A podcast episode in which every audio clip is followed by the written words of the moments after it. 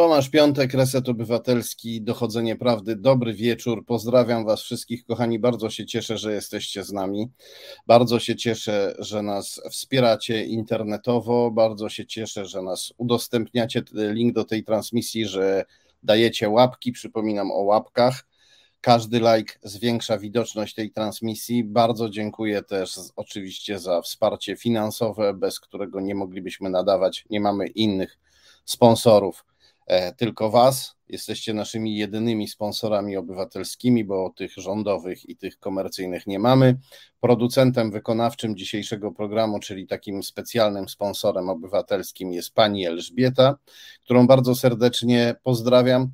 No i zapewne wiecie, że będziemy rozmawiać dzisiaj o e, wicemarszałku Ryszardzie Terleckim, ale to na końcu. Wcześniej Dużo czasu poświęcimy temu, co się dzieje we Francji, bo dzieją się tam rzeczy godne uwagi, które w jeszcze bardziej niezwykły sposób są wykorzystywane, są wykorzystywane również poza granicami Francji.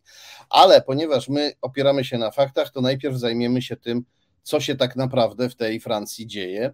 E, I, I w związku z tym zapraszam do studia znakomitą specjalistkę Małgorzatę Molendę z Dziech, e, profesorkę, panią profesor Małgorzatę Molendę e, z Dziech. Dobry wieczór. Dobry wieczór kończąc prezentację. Chociaż e, jeszcze jasno za oknem. Tak, tak, no ale już pora, tak, już godzina 19. Kończąc prezentację, dodam pani e, profesorka Molenda z Dziech e, z, ze Szkoły Głównej Handlowej jest też damą francuskiego Orderu Palm Akademickich. Pierwszy raz mam zaszczyt gościć kogoś odznaczonego tym, tym orderem za dokonania naukowe, rzecz jasna. E, tym, tym, tym goręcej witamy i proszę wszystkich właśnie o e, specjalnego lajka, tych, którzy jeszcze nie dali nam łapki o specjalnego lajka dla naszej gościni. A przechodząc do spraw e, trochę mniej, mniej przyjemnych, czyli do tego, co się dzieje we Francji i co jest oczywiście groźne, chciałem poprosić, żeby powiedziała nam Pani najpierw o tle społecznym, zanim przejdziemy do politycznego, o tle społecznym tego, co się we Francji dzieje, tych, tych rozruchów, tych gwałtownych protestów. Właśnie od kilku dni e, dochodzą do nas e, niepokojące informacje. Widzimy też filmiki w mediach społecznościowych, co się dzieje we Francji. E, kiedyś jakiś polski zespół śpiewał piosenkę Podobno nie ma już Francji, a właśnie chciałam powiedzieć, że ta Francja jest i właśnie odzywa się mocnym swoim głosem. Tylko jaka Francja? Właśnie Francja różnokolorowa, Francja wielonarodowa i Francja z wieloma problemami społecznymi, które do tej pory były trochę wyciszane, trochę przemilczane i trochę e, podporządkowywane jakiejś agendzie politycznej Y, chociażby temu, aby utrzymać pozycję Francji y, na scenie międzynarodowej i utrzymać przywództwo w Unii Europejskiej. A te społeczne problemy są i odzywają się coraz mocniej i coraz silniej, bo takie zamieszki nie zdarzają się we Francji po raz pierwszy. Y, były i w 2005 roku dane we Francji, jeśli chodzi o chociażby kwestie właśnie y, proporcji, jeśli chodzi o narodowościowych, są utajniane, więc też y, y, z różnych powodów nie można ich publikować po to, aby też nie kreować takiej, takiej mechanizmu, takiej paniki moralnej.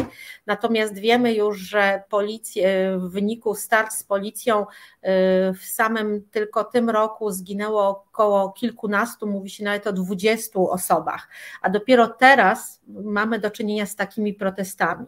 I właśnie zapytał Pan o te przyczyny społeczne, dlaczego tak się dzieje. E, Francja jest, jak wiemy, krajem e, postkolonialnym e, i właśnie kwestia interpretacji, interpretacji tego, co się dzieje. Czy możemy tylko mówić, że to jest kwestia właśnie braku polityki imigranckiej? Nie, bo w tym wypadku doszło do y, zabicia y, przez policjanta w wyniku kontroli drogowej Francuza, obywatela Francji, urodzonego we Francji, który był reprezentantem już drugiego czy trzeciego pokolenia osób o korzeniach znaczy, ale rodowitym Francuzem. I, i, ja przepraszam, bo ja tutaj, tutaj może trzeba podkreślić, mhm. że koncepcja narodowości we Francji jest zupełnie inna niż w Polsce. E, w ogóle zachodnie pojęcie narodu i narodowości mm. jest inne, ale we Francji bardzo mocno kładzie się nacisk na to, że e, narodowość to obywatelstwo, a nie kolor i krew. Jak najbardziej. Narodowość dokładnie to obywatelstwo e, i mamy do czynienia ofiarą tego, tej sytuacji jest obywatel francuski.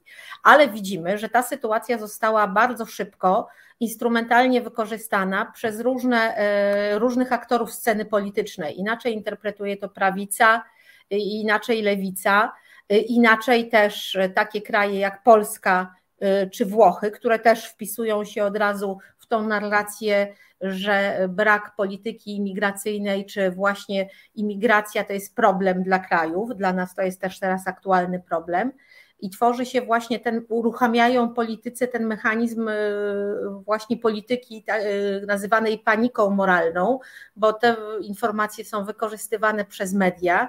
Dzięki i na skutek, bo niestety są tego dobre, ale i złe strony, informacje y, w dzisiejszej erze udostępniane są przede wszystkim w mediach społecznościowych i nie potrzeba do tego dziennikarzy. Każdy z nas może takim dziennikarzem, czy właściwie mm, osobą upowszechniającą informacje się stać, będąc na miejscu, nagrywając sytuację, e, czy nawet tworząc nieprawdziwe informacje. Mamy deepfake'i, mamy e, zjawisko postprawdy, fake newsów. I także przy tych e, interpretacjach tych wydarzeń te informacje się pojawiały. Czyli ta sprawa dała, zyskała ogromnego rozgłosu. I odpowiadając na Pana pytanie o tło społeczne tych wydarzeń, e, jeśli dochodzi e, do takich zamieszek spowodowanych, czy nazwiemy to nieszczęśliwym wypadkiem, brak, za szybką reakcją policjanta, czy jeszcze inaczej, znaczy, że stoją za tym jakieś duże przyczyny społeczne. Jest jakiś gniew, frustracja, która do tej pory była ukryta, i to wydarzenie stało się takim elementem, które tylko pozwoliło wydostać się na wierzch tym y, negatywnym emocjom i tym negatywnym y, właśnie zjawiskom społecznym, które musiały gdzieś być.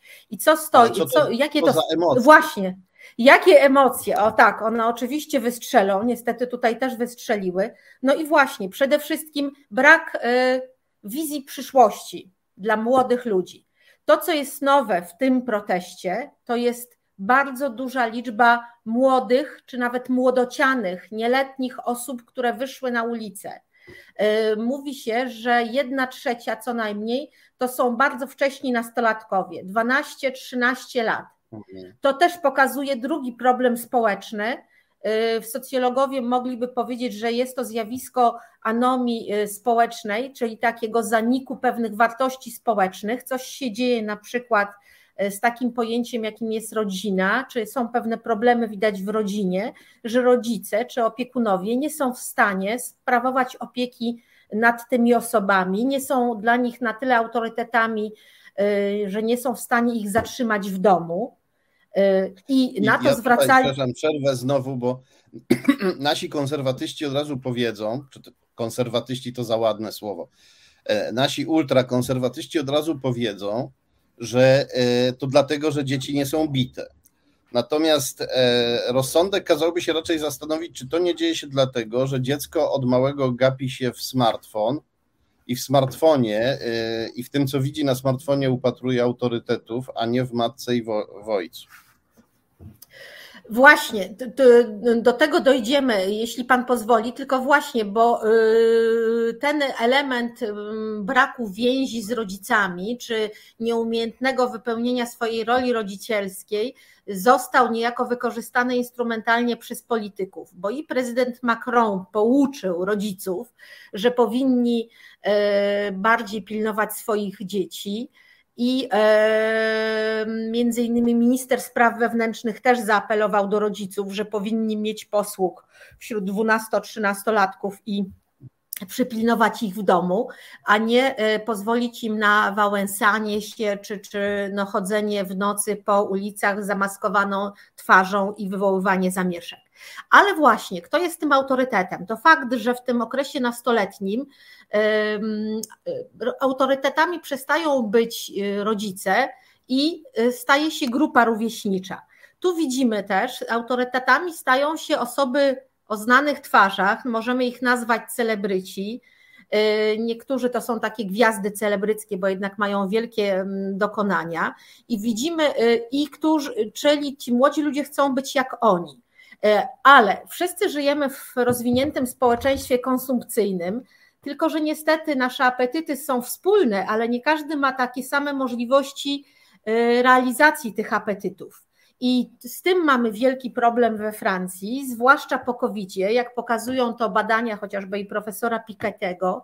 Y, mm, ta różnica pomiędzy majątkami najbogatszych i y, zbiednieniem i pauperyzacją pozostałych robi się coraz większa.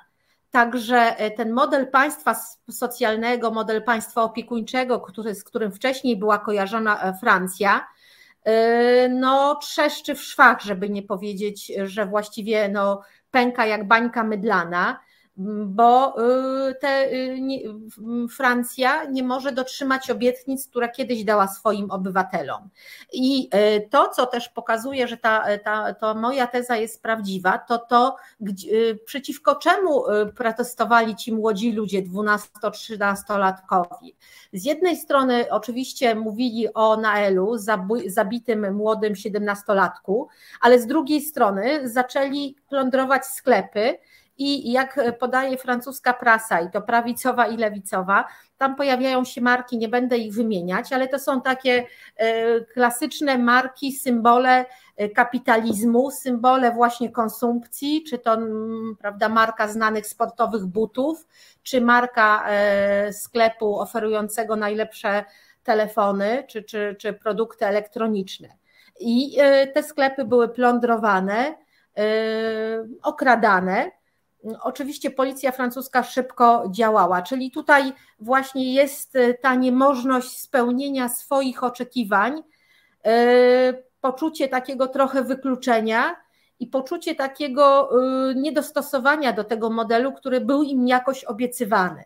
Drugi problem społeczny, na co zwracają już uwagę socjologowie czy, czy przedstawiciele nauk społecznych, to jest ogromny problem Mm, z jakimi się boryka szkoła francuska.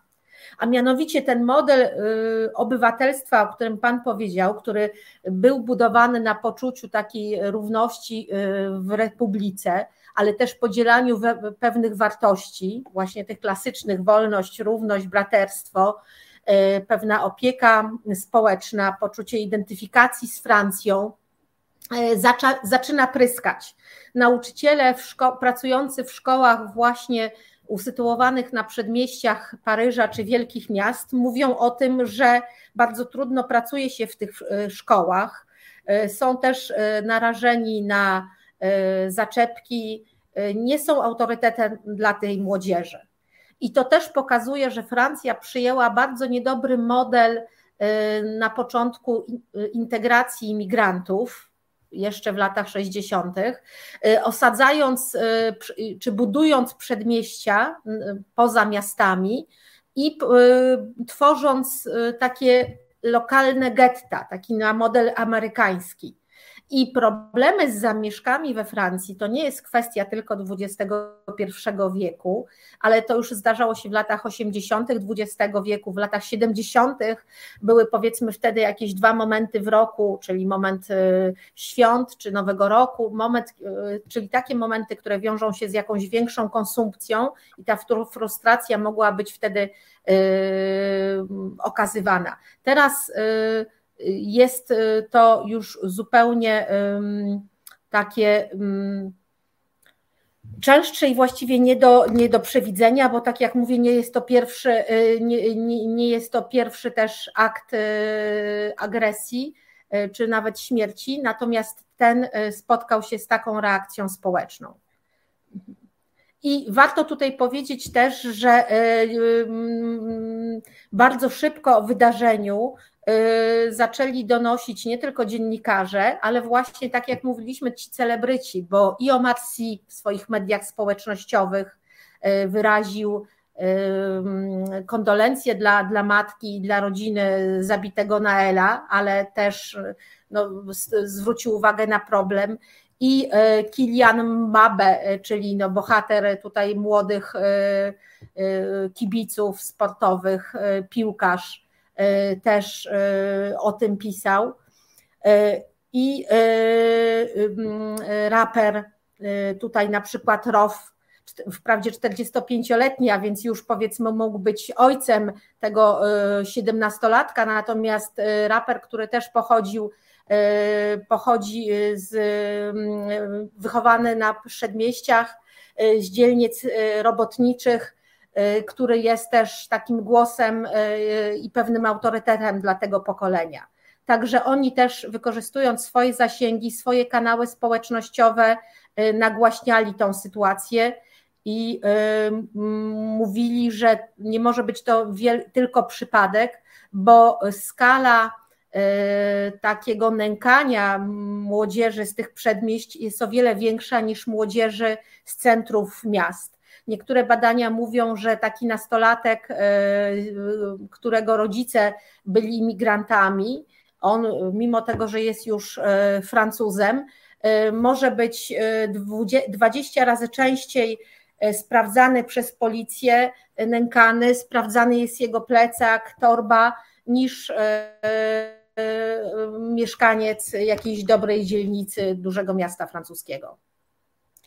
No właśnie, do jakiego stopnia policja jest e, przesiąknięta e, rasizmem, pogardą na tle rasowym, czy pogardą na tle rasowo-klasowym w stosunku do, do osób e, biedniejszych i o innym kolorze skóry? Francja, mimo wysiłków jeszcze rządów e, czasów Mitterranda i rządów socjalistycznych, aby budować ten wizerunek Francji e, republikańskiej, Francji e, demokratycznej, jest państwem o dużej klasowości. I ta klasowość związana jest bardzo mocno też właśnie z poczuciem przynależności do, do mm, rdzennych Francuzów.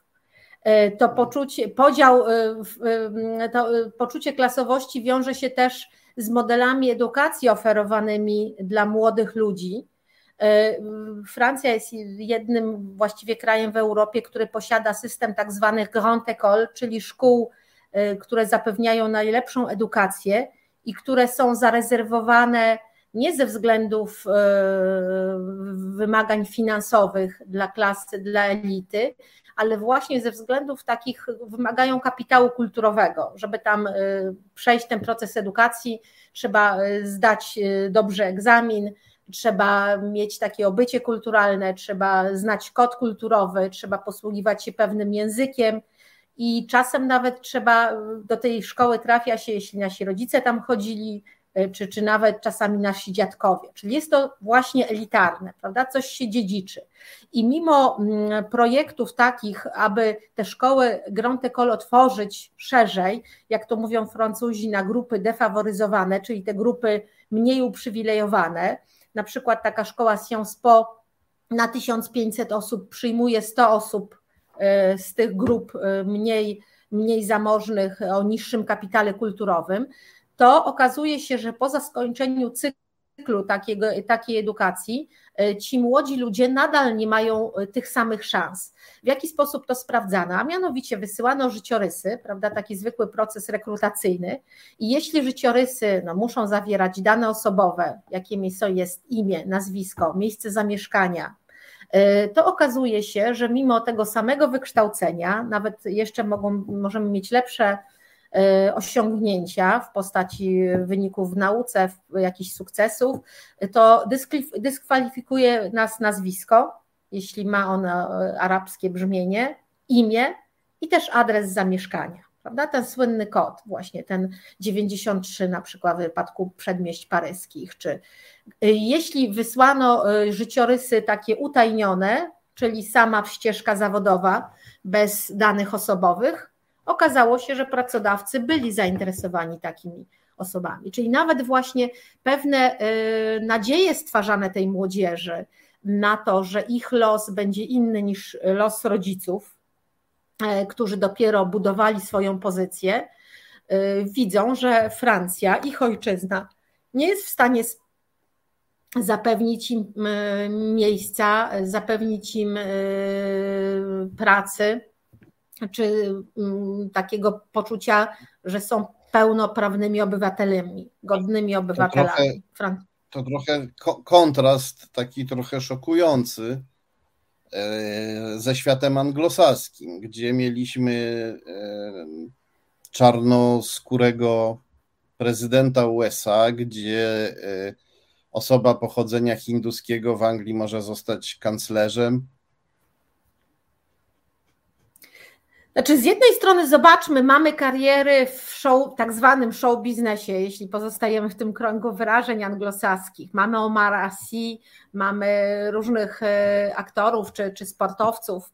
E, I to jest też ten wzór, prawda? Taki, no ale nie każdy może zostać tym, e, tym sportowcem. A rzeczywiście w no. kręgu polityki, osób publicznych, mało mamy takich, takich osób, które, które mogą być twarzą, czy mogą no, być pewnym no, wzorem. No, show biznes i sport to jest coś, co w Ameryce się określa minstrelizmem, czyli że mhm. e, e, ciemnoskóry może nas zabawiać.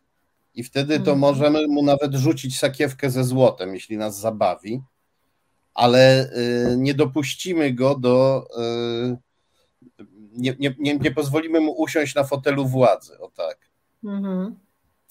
Ja myślę, że tutaj wiele e, ma właśnie ten model e, integracji, o którym już wspomniałam, a mianowicie właśnie też tej integracji przestrzennej, że Francja przez lata budowała te przedmieścia i tą kulturę przedmieść, prawda, o której e, też jest wiele filmów, subkultury, słynny, słynna nienawiść Laen Kasowica, która już pod koniec lat 90. mówiła też o tych problemach i napięciach. Jeśli weźmiemy pod, dla przykładu Belgię, czy chociażby Brukselę, gdzie tam dzielnice imigranckie są w mieście, które też ułatwiały integrację. Nie mówię tutaj o tych y, kwestiach też y, pewnych wypadków terrorystycznych, ale na ogół y, te osoby są w stanie prowadzić jakąś działalność, szybciej się integrować, mają restauracje, sklepiki i są niejako w mieście. Francja niejako wypychała swoich obywateli, od razu pokazując im takie miejsce, że są obywatelami drugiej kategorii.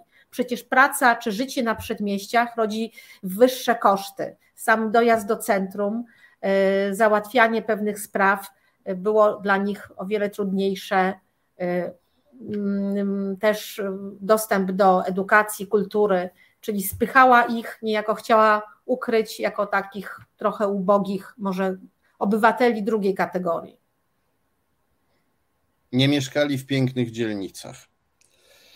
Nie mieszkali Ale w pięknych też, dzielnicach. przepraszam, właśnie ci obywatele pięknych dzielnic nie mieli szansy też zobaczyć tych e, mieszkańców, prawda? Nie mieli szansy zobaczyć tej różnorodności Francji, różnorodności e, kulturowej, prawda? E, to oni musieli się gdzieś tam ewentualnie przemieścić, prawda? Właśnie samo na to. No, to jest, to jest dosyć niezwykłe, bo Francja jest krajem, e, w którym imigracja, można powiedzieć, trwa od 200 lat. Mówimy tutaj o ludziach, którzy są e, potomkami w drugim, w trzecim pokoleniu, no bo Algierczycy i Włosi, bardzo dużo Włochów, zaczęło do Francji przyjeżdżać już w XIX wieku. Włosi byli traktowani z początku podobnie jak Algierczycy, mhm. jak y, ludzie gorszego sortu. To potem, potem jakoś ich tam z pewnymi oporami za, zaakceptowano i oni się ulegli galicyzacji, czyli się sfrancuzili, mówiąc potocznie, stali się Francuzami. I jeżeli teraz ktoś mówi, że te dzieci, które już, których już dziadkowie mogli być Francuzami, że, że one są problemem związanym z imigracją, to ten ktoś jakby chciał, żeby Francja wymazała całe 200 lat swojej porewolucyjnej historii, kiedy to zaczęła wpuszczać do siebie wielkie liczby obcych, którzy stawali się swoimi. Ja rozumiem, że u nas politycy to mówią, którzy są po prostu agresywnymi ignorantami, a jeszcze częściej po prostu mówią to w złej wierze. E, wiedzą, że kłamią, ale wiedzą, że mówią rzeczy bezsensowne, no ale to im służy, więc to mówią. Ale czy we Francji ktoś wierzy w to, że można te 200 lat historii wymazać?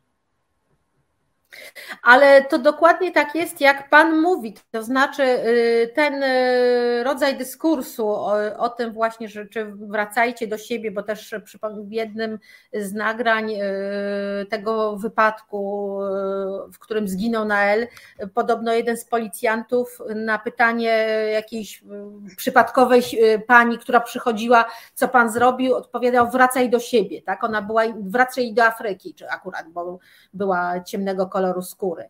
E, czyli e, i tutaj e, mm, prawico, też prawicowy dyskurs pokazuje, chciałby zachować tą, no właśnie, że można być trochę lepszym Francuzem. Prawda? No niby jest, mamy wszyscy to francuskie obywatelstwo, ale obywatelstwo też może być różnych kategorii. Tak jak mhm. właśnie mieszkamy sobie. Y, ten nam nie przeszkadza y, obywatel francuski, dopóki ma otwarty sklepik, możemy u niego coś kupić, ale jeśli już będzie chciał na przykład być w tej samej szkole co moje dziecko, to może tak niekoniecznie, tak? Albo jeszcze nie daj Boże, będzie lepiej się uczył i będzie stanowił konkurencję dla mojego dziecka, tak? Czy będzie lepszy w sporcie i też w jakiś sposób y, no, stanowi konkurencję. E, więc e, to jest też bardzo szybko instrumentalizowane przez polityków. I to nie jest dobre, bo właśnie te, e, ci obywatele francuscy, bo chciałabym raczej tak, tak o nich myślę i tak chciałabym mówić, nie mogą mówić własnym głosem. I tych często ich głosem są ci raperzy. Właśnie między innymi ten Row, który sobie tutaj wynotowałam, też mówił, że trzeba szanować młodych z tych przedmieść, tak jak wszystkich innych, ale żeby ich szanować, to trzeba ich przede wszystkim zapytać, co yy, właśnie, co oni myślą, co mają w głowach. To, co dla mnie jest bardzo niebezpieczne, właśnie jako takiej socjolożki, politolożki, ale też osoby, która kocha Francję, no, mieszkałam we Francji, wydaje mi się, ta Francja się zmienia oczywiście, ale trochę ją znam, to to, że rzeczywiście y, zaniepokoiłoby mnie to, że w tak dużej skali młodzi ludzie wyszli na ulicę. Znaczy, i mówię młodociani bardzo, prawda? I właśnie, że to w takiej masowej skali, ta agresja, która pokazuje, agresja jest zawsze elementem i zna, oznaką frustracji, ale dla mnie też pokazuje, że coś złego dzieje się też na fali y, tej komunikacji z rodzicami, z rodziną, bo to nie jest jeden czy dwóch nastolatków, prawda? I widzimy, jak to jest teraz też zaraźliwe y, dzięki, czy raczej na skutek młodych nowych mediów jest to e, tutaj negatywne, bo widzimy nawet dzisiaj e, już e, mamy takie mm, próby zgromadzeń i w Belgii i na solidarnościowych. Więc ta informacja między młodymi ludźmi, oni tutaj się identyfikują, nie narodowościowo, ale właśnie oni jako nastolatki, myśląc o tym, no właśnie, co będzie z ich przyszłością. Bardzo dziękuję za rozmowę. To e, pozwolę sobie jeszcze, jeśli to nie kłopot, e, zaprosić w przyszłości. Dziękuję bardzo za możliwość spotkania z Panem, z Państwem i do usłyszenia I do w przyszłości. Do zobaczenia. do zobaczenia. I zapraszam do studia Marka Meissnera, który mm, jako analityk strategiczny, czyli od trochę innej strony obserwował to, co e, dzieje się we Francji, Witaj Marku. Tak jest. Dzień dobry Tomku, dzień dobry Państwu. Tak jest, wiele rzeczy się działo. Y, powiem, że y, zatrzymano y, jednych z dwóch można to nazwać prowodyrów, a ja bym powiedział dowódców grup szturmowych, którzy tam we Francji działali. No i zaraz powiemy o tym, skąd oni się tacy wzięli i właściwie co, o co tam między innymi szło. Więc tak. Tak, no tutaj dodam właśnie, bo mówiliśmy teraz o, najpierw mówiliśmy w pierwszej części programu o tle społecznym i o A, różnych niepokojach. do tego tła społecznego wrócimy, bo, tak, bo ale, ono tam... Ale teraz, te, nam, jak tak. się domyślam, ty nam powiesz o tym, kto żeruje na tych niepokojach. A, zdecydowanie. Otóż, no, mamy ten obrazek, prawda? Tutaj śródmieścia płoną, wdzierają się do nich y, protestujący, no czy tacy znowu protestujący? I tu jest ciekawa sprawa, bo pamiętamy y, żółte kamizelki, tutaj się analogie sypią, bo czemu naraz ta policja francuska taka wysoko sprawna, Przepraszam, nie, przypomnij może tak. protesty, bo to wiesz, trochę czasu minęło. Przypomnij, czym były żółte kamizelki we Francji. No właśnie, i tutaj żółte kamizelki też, też to był protest reformy związany z reformą emerytalną, to był też protest związany z wzrostem kosztów życia i to był też pro, protest, nazwijmy to antyelitarny, który wybuchł no już dobre kilka lat temu. I właściwie to jest sprawa, która się, która dojrzewała od 2018 roku. Protest żółtych kamizelek. I tam też stwierdzono no, pewne wpływy, o których zaraz powiemy. Otóż ta policja wysokosprawna sobie zupełnie, francuska zupełnie nie poradziła. Po czym bardzo szybko się okazało, dlaczego sobie nie poradziła. Z powodu Mówisz już teraz o tych e, obecnych tak, protestach. Tak, mówię o obecnych protestach. Więc przede wszystkim, przede wszystkim trzeba powiedzieć o samym składzie protestujących. Około 30% demonstrujących, przy czym to wynika z kamer, wynika zatrzymań, byli biali. Wśród zatrzymanych były też dzieci Polaków z francuskim obywatelstwem, też Rumunów, Serbów, Chorwatów.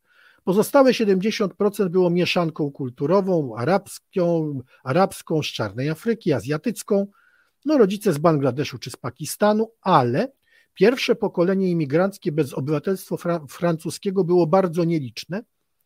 Wiadomo czemu. Natomiast no, można powiedzieć, że niemal zawsze to byli policji. z deportacji, tak, że y, prawie zawsze byli to Francuzi w pierwszym lub drugim pokoleniu. No i czy zawsze młodzi? Różnie z tym było, ale można było przyjąć, że najwięcej było takich w wieku od 16 do 25 lat, niepracujących, zatrudnionych na prace śmie, y, śmieciowe, a zatrudnionych na stałe wśród zatrzymanych było bardzo mało. Było bardzo mało. Y, no i tutaj teraz o co chodziło? Chodziło o to, że y, zupełnie była inna organizacja protestujących niż tych z żółtych kamizelek, jakie, jakie były no, te, no tych do, do, dosłownie półtora do dwóch lat temu, bo te protesty tyle trwały. Teraz było tak, że najpierw, że y, protestujący, a właściwie wśród protestujących wyróżniały się grupy podzielone na takie, y, na takie jakby oddziały szturmowe z dowódcą, który wyznaczał cele. I teraz te grupy miały łączność miały łączność, podsłuchiwały pasma policyjne, przy czym ta łączność była nawet profesjonalna i oni byli w stanie nawet podsłuchiwać, podsłuchiwać część pasm szyfrowanych. I to jest duża różnica z żółtymi kamizelkami, gdzie też podsłuchiwano policję, ale ten sprzęt był nieprofesjonalny, to było bardziej na zasadzie zabawy, bardziej podsłuchiwano wozy patrolowe gdzie mm, tam, no, y, y, jak się coś wychwyciło, to było fajnie. A tutaj już było prawie, prawie profesjonalne podsłuchiwanie, przy czym była organizacja i współdziałanie w tych grupach. Część grup robiła na przykład spektakularne zamieszanie gdzieś tam, żeby ściągnąć policję, podczas kiedy inne grupy wdzierały się do centrum i podpalały samochody albo znienacka kilka grup robiły, e, e, robiło akcje w jednej dzielnicy, na jednej ulicy, zbierało jak najwięcej demonstrantów, po czym się rozpływało, podczas jak gdy policji zostawało ścieranie się z niezorganizowanymi protestującymi, którzy poszli, za nimi, a w tym momencie byli wystawieni niejako na odstrzał policyjny. Ci ludzie byli bardzo dobrze wyszkoleni, zwłaszcza ich dowódcy. I zorganizowani. I to wszystko było no skoordynowane. W rodzaju na tak przykład, jest. my zaatakujemy supermarket, wszyscy tak. policjanci się tam zbiegną, a wtedy drugie komando, o którym policja nie wie, na przykład rzuci się na posterunek policji. Który będzie I tak właśnie zorganizowany był zamach na dom mera Paryża.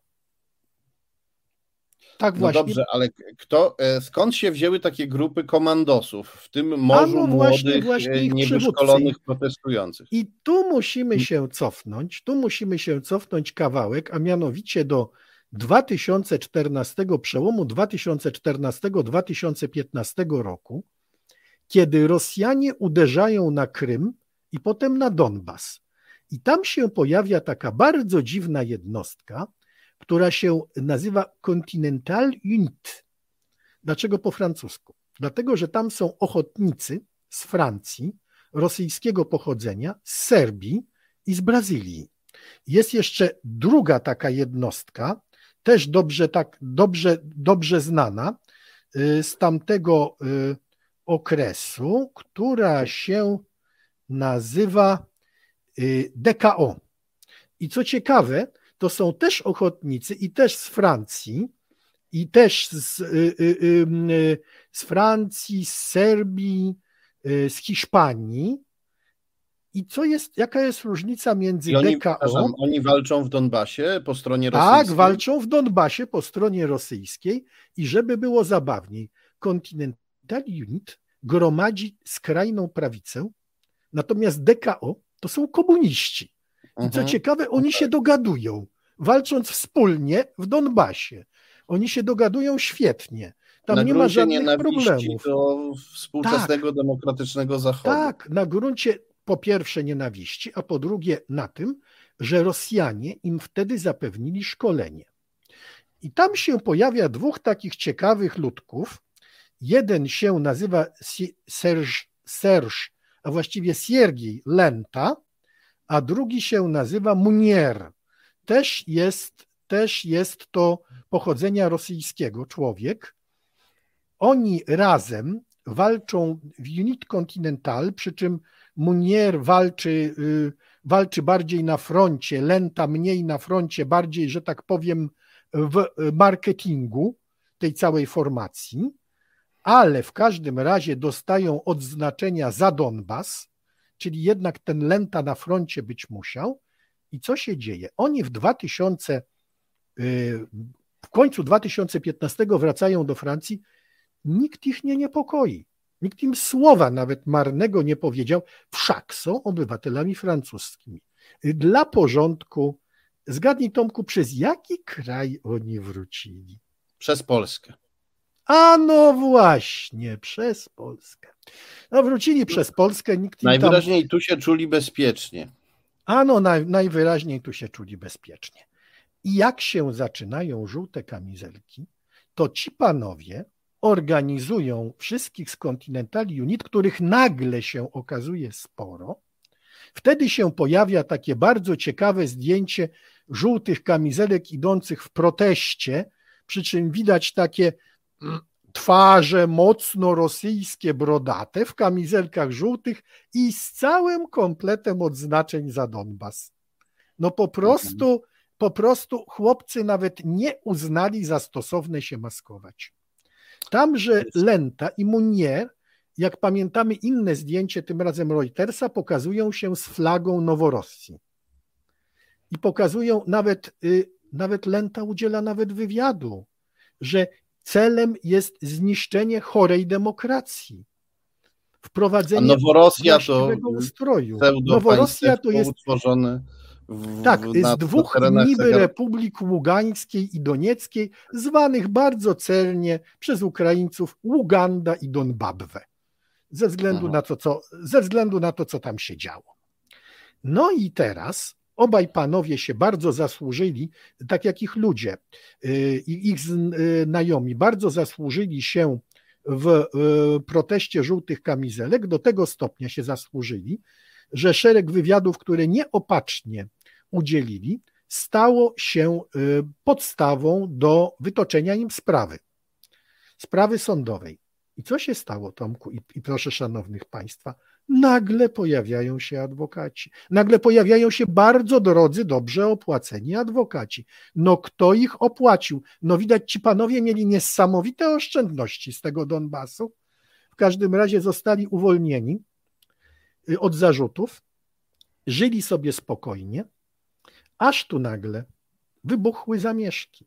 Teraz zamieszki wybuchły i panowie Lenta i Munier oraz ich znajomi się uaktywnili.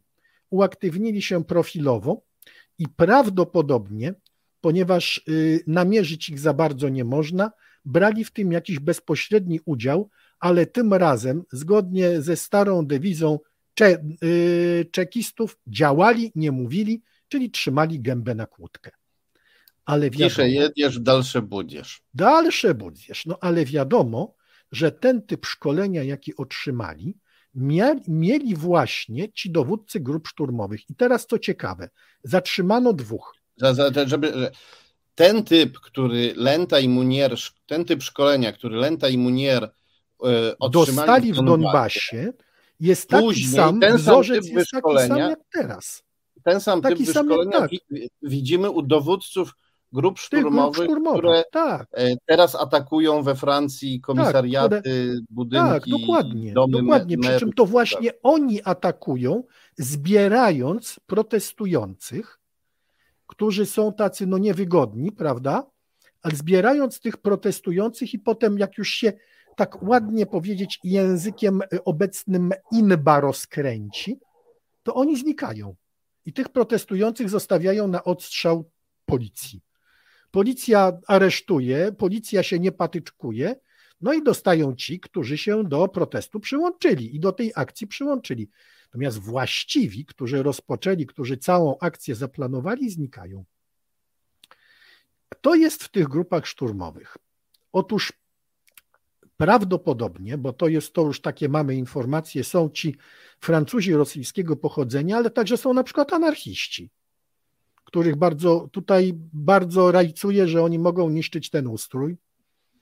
Są ludzie ze skrajnej prawicy, jak oni się z tymi anarchistami dogadują, to ja w ogóle nie wiem, ale jakoś się dogadują, jak widać, być może na poziomie nienawiści do demokracji. I y, właśnie te grupy są nieliczne. To są grupy kilkunastoosobowe, to są grupy najdalej dwudziestokilkuosobowe, dwudziestopięcio, bardzo ściśle ze sobą związane, ale też i na zasadzie, że nie można wszystkich uczestników wyłapać drogą łańcuszkową, bo to są takie komórki. Czyli jeszcze jeden przykład szkolenia wojskowego, a raczej szkolenia w rozpoznaniu i akcjach y, Security Force, czyli, czyli, czyli SOF-u. Czyli widać wyraźnie, kto, kto szkolił takich panów jak Munier i Lenta. Security Force, czyli po polsku no, czyli można powiedzieć, że to są, to są takie no, wojska specjalne, a właściwie służby specjalne, wojska specjalne tutaj. To jest zbrojne ramię służb specjalnych. Tak jest, no, no to, nie wiemy właściwie. Jak to się mówi Ta, no nie, specnaz to nie, bo specnaz to już jest taki zdecydowanie stopień wyższy. Nazwijmy to y, Maskowska Szkoła Dywersji i Sabotażu. Moskiewska Szkoła Dywersji i Sabotażu. Czy jakieś media we Francji czy gdziekolwiek już wyłapały? Tak, mówiono, że aresztowano dwóch, y, dwóch y, przywódców grup, że mają związki prawdopodobnie z Rosją i na tym się informacja skończyła i że śledztwo jest rozwojowe. Ja się wcale nie, nie, nie dziwię temu. No cóż, we Francji przynajmniej y, może ich służby specjalne zasypiają czasami, ale przynajmniej istnieją, a u nas Dokładnie. wiadomo jest Ale inaczej. widzisz, jak to jest. Ja mm, pisałem do znajomej, która tam bardzo, znaczy koleżanki mojej jeszcze ze studiów, która tam bardzo długo siedzi, jak wygląda podglebie tego wszystkiego, dlaczego ci ludzie mogą tak łatwo działać. No i muszę ci powiedzieć, że jej odpowiedź, którą chciałem przeczytać, mnie no, usadziła w fotelu na długo. Przeczytam. Nie wiem, co mam Ci odpowiedzieć. Powiem tylko, że od kryzysu 2008 roku rynek pracy bardzo zdziczał. Kiedyś zwolnienie SMS-owe to była patologia. Szeroko otwieraliśmy oczy, kiedy się o tym dowiadywaliśmy. Teraz, zwłaszcza w mniejszych firmach, to codzienność. Wielcy i korporacje zachowują się teraz jak firmy ze Stanów. Ciągłe cięcie kosztów i restrukturyzację, jak tylko akcjonariusze ściągną brwi. A nasi miliarderzy, jak ro, rodzina Mulier, wcale nie są lepsi od amerykańskich. Robią interesy z Rosją mimo wojny i pokazują, że mają wszystkich niżej krzyża. Tną koszty, jak tylko wzrost jest mniejszy niż im analitycy pokażą, że mógłby być. O związkach zawodowych od dawna się mówi, że zamiast pomagać ludziom, robią tylko politykę. Przychodzisz do pracy i nie wiesz, ile przepracujesz. Rok, dwa, no pięć to już będzie sukces. Jak tu w takiej sytuacji cokolwiek zaplanować, mieć dzieci? Dlatego wcale się nie dziwię młodym, że są wściekli, ani że głosują na front, bo ci pokazują im prosty świat. Francja jest wspaniała, winni są jacyś inni, którzy nam nas sprowadzali imigrantów i którzy spowodowali, że w życiu nic nie możesz zaplanować. W Polsce się o tym nie mówi, bo u was jest jeden przekaz, że to ci wredni Arabowie atakowali Francuzów, ale prawda jest taka, że prócz zamieszek często prowokowanych przez grupy, o które py pytałeś, były też walki pomiędzy kibolami, jeśli można tak powiedzieć, i lewicy, i prawicy, zwłaszcza i jednej, i drugiej skrajnej, z podpalaniem samochodów i niszczeniem sklepów, bo może media obwinią o to drugą stronę. No cóż, bardzo jest to smutne, szczególnie to, co tutaj e, Twoja znajoma napisała o postawie elit biznesowych i finansowych. No i przypomina się stare powiedzenie Władimira Ilicza Lenina, który mawiał, że kapitaliści sprzedadzą nam sznurek, na którym ich na powiesimy. powiesimy. Dokładnie. Widzisz, bo to jest różnica taka, że w tej strasznej, ksenofobicznej Anglii y, wnuk imigrantów może zostać premierem. Premierem. Mówiliśmy tak, o tym też tak, e, w rozmowie tak. z panią profesor. No właśnie, właśnie powiedziałem kanclerzem, a, a on nie jest kanclerzem, co w Wielkiej Brytanii znaczy e, ministra finansów, tylko on jest e, premierem. Premierem, tak, jest PM, tak. A, w tej, a w tej, tej tak. strasznej kapitalistycznej Ameryce czarnoskóry w końcu został prezydentem. Został prezydentem, a w tej także jakże liberalnej Francji taki człowiek nie mógłby zostać nawet merem. Bardzo jest z tym ciężko. Jest szklany sufit. O tym lu mówią ludzie, nawet powiem Ci więcej. Będąc w Szwecji, zetknąłem się z ludźmi, którzy z dziećmi przyjeżdżali z Francji, bo mówili, że dzieci ich w tej Szwecji, która jest kulturowo dosyć zamknięta, w tej Szwecji oni wierzą, że ich dzieci mogą zrobić więcej niż będąc w tej Francji. Także niestety proszę Państwa, czego byśmy nie mówili o tych protestach, to podglebie do tych protestów cały czas istnieje. I to jest niestety podglebie społeczne. I jako człowiek, który się zajmuje bezpieczeństwem, widzę, jak wiele szans jest dla takich ludzi jak y, wywiad rosyjski. Wykorzystywania po prostu wszystkich błędów tego ustroju, wszystkich ksenofobii, wszystkich zaszłości, po to, żeby po raz kolejny podważać Zachód, niszczyć politykę Zachodu i wprowadzać swoich, tak jak mm, nazwijmy to elity typu Tino y, Chrupalla w Niemczech, czyli szef AfD, jeden z dwóch szefów. Także mm, Zachód też musi wykonać pewien krok, musi dojść do tego, że model, który tam jest, model ekonomiczny, właśnie wydaje ostatnie tchnienie. Jeżeli nie chcemy, żeby on wydał ostatnie tchnienie przy pomocy rosyjskiego noża, to Zachód musi sam to przemyśleć. Podpisuję się oburącz pod tym, co powiedziałeś. Teoretycznie, jako prowadzący, powinienem się teraz z Tobą nie zgodzić, coś powiedzieć prowokacyjnego, do czegoś się przyczepić, ale, ale nie mogę. Masz 100% racji. Bardzo dziękuję Ci za tę rozmowę. Dziękuję bardzo. Dziękuję I bardzo do, Państwu. I do zobaczenia. Do zobaczenia. A my przechodzimy do, mm, jakby to powiedzieć, e, mikroanalitycznej, bardziej szczegółowej e, części dzisiejszego programu. E, no, będziemy też trochę mówić o zjawiskach makro, nie tylko mikro. Zaczniemy, zaczniemy od zjawisk makro, a potem trochę zagłębimy się w to, co, w to, co szczegółowe, ale nie mniej bardzo ciekawe, bo przyjrzymy się policjantowi, który zastrzelił Naela Mezruka i który doprowadził do wybuchu tych właśnie zamieszek, które oglądamy we, które oglądamy we Francji. Ale najpierw podsumujmy sobie to, co wiemy o, o skali makro, o zjawiskach skali makro. Poproszę o pierwszy skan, który przygotowaliśmy na dzisiaj, jeśli można powiększyć. Jak widzimy, tutaj e, nasi e, e, politycy związani z Rosją, jak Mateusz Morawiecki i Zbigniew Ziobro, nasi antyzachodni politycy wykorzystują no, z wielką radością to, co się dzieje we Francji. Widzimy tutaj dwa tweety. Na górze jest e, tweet Mateusza Morawieckiego, który wrzucił takie prowokacyjnie właśnie prowokacyjne zdjęcie płonącego samochodu i mówi tutaj Mateusz Morawiecki w tym tweetie nasz plan to Europa bezpiecznych granic. Bezpieczeństwo i porządek publiczny to są wartości, od których wszystko inne się zaczyna. Czyli on tutaj nam sprzedaje wizję Polski i Europy jako takiej twierdzy, w której e, biali ludzie się e, fortyfikują przeciwko tym kolorowym hordom z zewnątrz, co chcą nam nasze e, drogocenne samochody podpalać. E, dłuższy tweet Zbigniewa Ziobry widzimy na dole. Minister Sprawiedliwości pisze tak. Trzecia noc zamieszek we Francji, spalone sklepy i samochody, ranni policjanci, przerażeni ludzie. To opowieść o bankructwie polityki migracyjnej i kulturowego ubogacenia, o postępującym upadku i anarchii, a za Francją w kolejce Belgia, Szwecja i następni.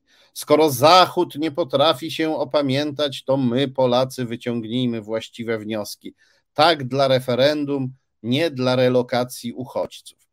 No tutaj on do tego, w ten tweet to jest taki kocioł, do którego Ziobro wrzucił trochę różnych składników. Mamy tu oczywiście potępienie Zachodu, bo on nie potrafi się opamiętać. E, zaprzeczenie tego, że kultury różne wymieniając się między sobą mogą się ubogacać. No jak wiemy, cała historia ludzkości tego nas uczy, że kiedy mieszają się kultury, to się e, ludzkość ubogaca, prawda? Bo nie, nie mielibyśmy w Polsce nawet barszczu ukraińskiego, prawda, gdybyśmy, gdyby się kultury nie, nie, nie ubogacały gdybyśmy nie, nie, brali od innych i gdyby inni od nas nie brali. No ale on tutaj próbuje nam wmówić właśnie, że e, ubogacanie się kultur zbankrutowało, dlatego że młodzi ludzie e, zdesperowani z braku perspektyw i podjudzani przez, pod, e, przez, przez Rosję protestują. E, tak e, nam, e, taką opowieść tutaj nam Zbigniew Ziobro serwuje, oczywiście po to, żebyśmy sobie zapamiętali, że Zachód jest zły, Zachód jest słaby, Francja upadnie, Belgia i Szwecja, bo on tutaj mówi o upadku, nie mówi o zamieszkach, on mówi o upadku, on nam przedstawia to jako upadek Zachodu. No i w podobnym duchu e, wyrażają się przedstawiciele e, kremlowskiego reżimu. Poproszę o następny skan. Tutaj mamy relację medialną e, opartą na francuskiej agencji AFP. Czytamy, że rosyjski senator Andrzej Kiszas wyraził publicznie niepokój o to, że protestujący mogliby zagrozić francuskiemu arsenałowi nuklearnemu, to znaczy mogliby na przykład przejąć ten arsenał. E, brzmi to fantastycznie, no ale jak wiemy, e, poddani Putina w dużej mierze e, wierzą w nawet najdziwniejsze kłamstwa swojej propagandy. Senator mówi to przede wszystkim po to, żeby no, zatuszować kompromitację Rosji, jaką był nieudany pucz Prigozina, kiedy Prigorzin szedł na Moskwę, no to Zachód e, się martwił o to, czy przypadkiem ten szalony Wataszka nie przejmie rosyjskiego potencjału nuklearnego. I tutaj senator Kisza spróbuje e, wyśmiać te obawy i próbuje przedstawić to, co się dzieje we Francji, jako taki odpowiednik puczu Prigozina. Wprawdzie my mieliśmy szalonego wataszkę, ale oni mają u siebie coś podobnego, albo nawet jeszcze gorszego, ci Francuzi, ten Zachód. Tak, e, e, tak mówi rosyjski senator Kiszas. I nie tylko senator, ale nawet rosyjska dyplomacja włącza się w tę kampanię propagandową Poproszę o kolejny skan. To tweet ambasady rosyjskiej w Republice Południowej Afryki. Ambasador ze swoimi podwładnymi uznał za stosowne, żeby zacytować na Twitterze wpis prokremlowskiego propagandzisty, trolla, znanego kłamcy Jacksona Hinkle. E, na dole mamy tutaj doczepiony, jeśli ktoś sobie później zatrzyma ten kadr i powiększy, to może się tam doczyta. E, niestety literki są małe. Tutaj jest na dole doczepiony fragment e, informacji Polskiej Agencji Prasowej o tym, kim jest pan Jackson Hinkle i o tym, jak on jawnie szerzy rosyjską propagandę. I no i o co chodzi w tym twicie ambasady rosyjskiej w RPA? E, no, pan Hinkl pisze, że obecna sytuacja we Francji jest bardziej zamachem stanu niż to, co zrobił Prigorzyn, ale Zachód nie chce tego przyznać, tak pisze pan Jackson Hinkl. A ambasador, e, czy też jego e, podwładny ambasadora odpowiedzialny za media społecznościowe z ambasady rosyjskiej dodaje do tego komentarz: To dziwne, że żadne, żadna redakcja głównego nurtu nie nazwała tego próbą zmiany reżimu we Francji. Tych właśnie zamieszek, gdzie dwunastolatkowie, szesnastolatkowie E, podburzani przez, e, przez Rosjan biegają po ulicach i, i e, tłuką szyby, no bo samochody to już tam podpalają raczej ci, ci specjaliści od dywersji, raczej nie dwunastolatkowie. I, dzien, dzien, i dziennik francuski, gazeta francuska Le Monde też zanalizowała publikacje rosyjskie na temat tego kryzysu we Francji. I e, też e, napisała, że e, oficjalne rosyjskie media opisują wydarzenia we Francji z mieszaniną takiego ostentacyjnego przerażenia i radości. Radości, no bo mogą napisać na przykład, że prezydent Macron był na koncercie Eltona Johna, piosenkarza geja, podczas gdy wybuchły zamieszki. Co w ten sposób to ma oczywiście Rosjanom pokazać, że yy, geje yy, odbierają yy, kulturze zachodniej siłę, wojowniczość, zdolność funkcjonowania itd., tak itd. Tak Za pomocą właśnie takich absurdalnych aluzji też się e, antygejowską ideologię Kremla, e, Kremla szerzy. E, I tutaj dodajmy, że jak tutaj już zresztą wspominaliśmy, ale to jest bardzo ważne, że tej przemocy ze strony sfrustrowanej młodzieży podburzanej przez Rosjan, z drugiej strony towarzyszy oczywiście wielkie wzmożenie ksenofobii, E, islamofobii, arabożerstwa, nienawiści do Arabów, do muzułmanów, do ludzi o ciemniejszym kolorze skóry i e, do ludzi pochodzących z innych kontynentów.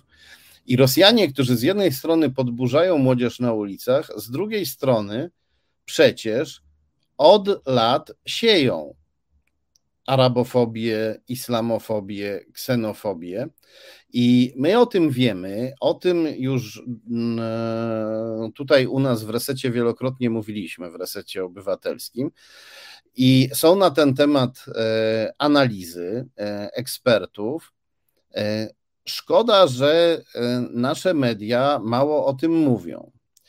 I taką pretensję nie tylko pod adresem polskich mediów, ale także pod adresem mediów zachodnich wyrażają e, komentatorzy arabscy. To jest ciekawe, poproszę o kolejny skan. Znalazłem tutaj e, w arabskich mediach taką, e, taki artykuł, którego autorzy piszą, że wiele było, wiele się mówiło o tym, że Rosja używa fake newsów, żeby zrobić broń z mediów społecznościowych po to, żeby szerzyć e, po to, żeby osiągać antydemokratyczne, antynatowskie, antyzachodnie, e, prototalitarne cele. I że mówi się, nazywa się to nowoczesną wojną informacyjną. Natomiast mało się mówi o tym, jak wiele e, rosyjski rząd robi, żeby demonizować islam i e, muzułmanów na całym świecie. E, I jeszcze mniej się poświęca uwagi śmiertelnym, śmiertelnie niebezpiecznym i szkodliwym skutkom tej tej dezinformacji. No i tutaj e, autorzy arabscy używają no bardzo mocnego języka, ale ja się zasadniczo z ich myślą e, godzę. E, to dobrze, że Arabowie, przynajmniej niektórzy arabscy komentatorzy wiedzą, że jesteśmy na nich szczuci przez Rosjan i dobrze by było, żebyśmy my to też, też wiedzieli.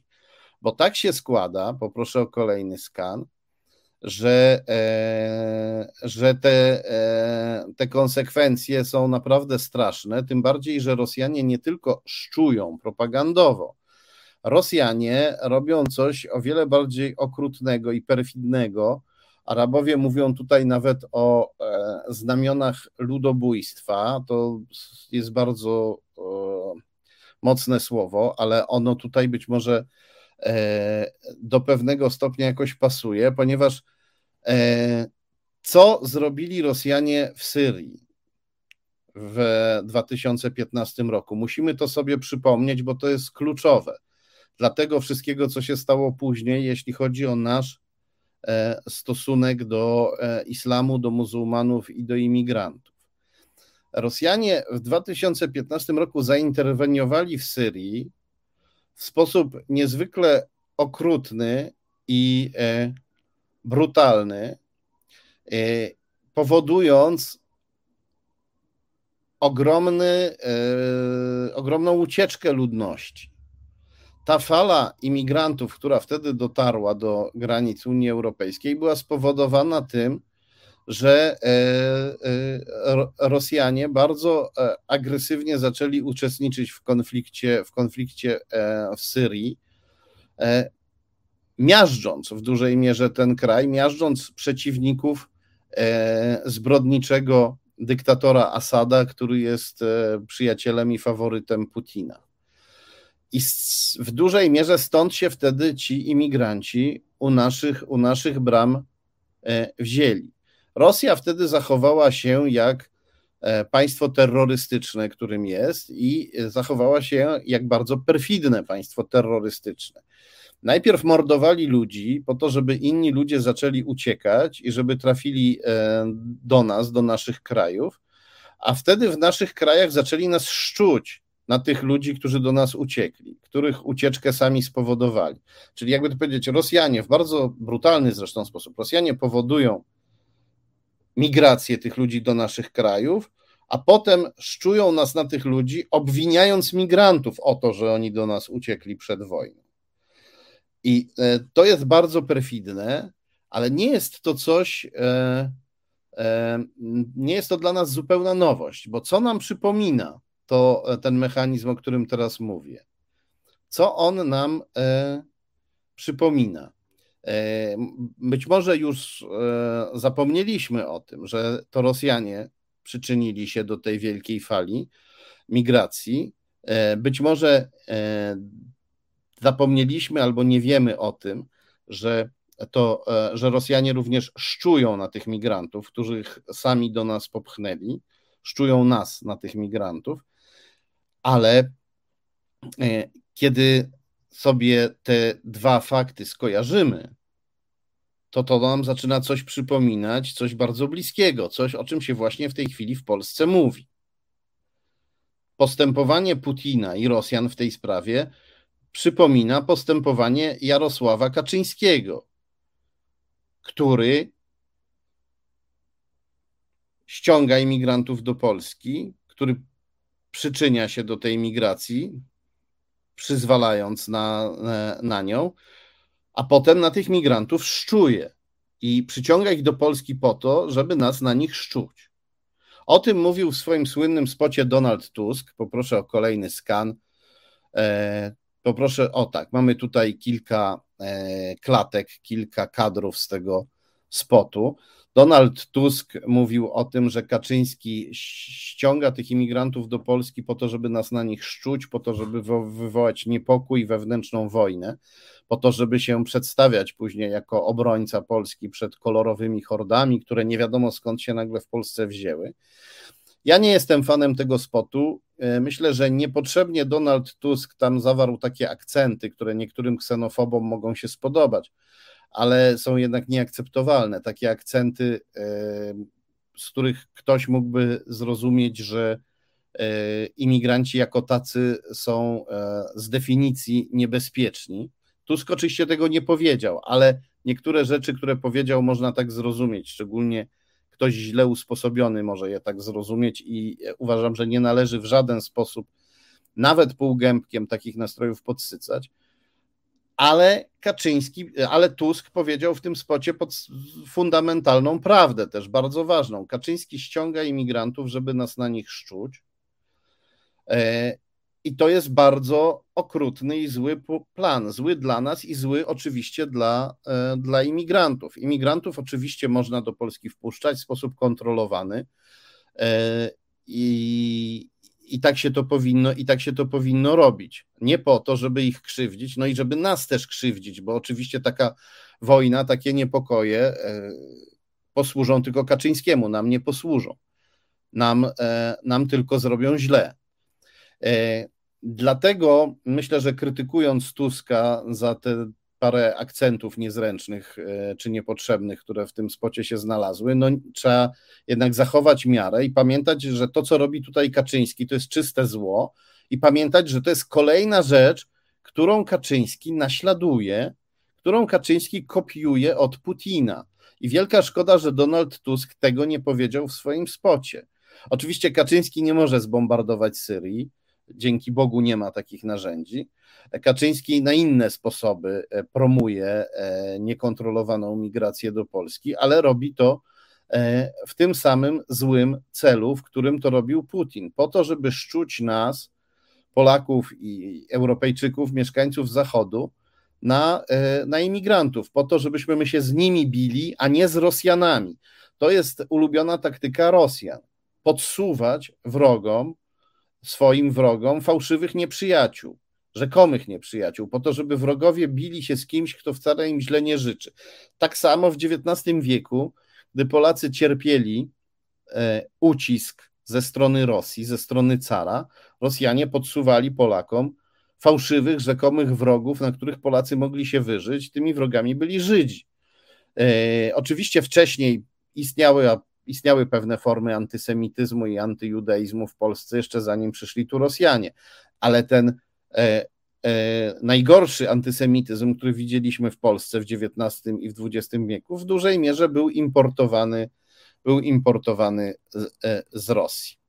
Dobrze, to teraz przejdźmy do człowieka, który stał się zapewne w jakiejś, zapewne całkiem lub przynajmniej w znaczącej mierze też mimowolnie, mam taką nadzieję, e, do człowieka, który stał się katalizatorem, czy też zapalnikiem, zapalnikiem tych e, rozruchów we Francji, do człowieka, który zabił Naela Mezruka, do policjanta o nazwisku Florian M.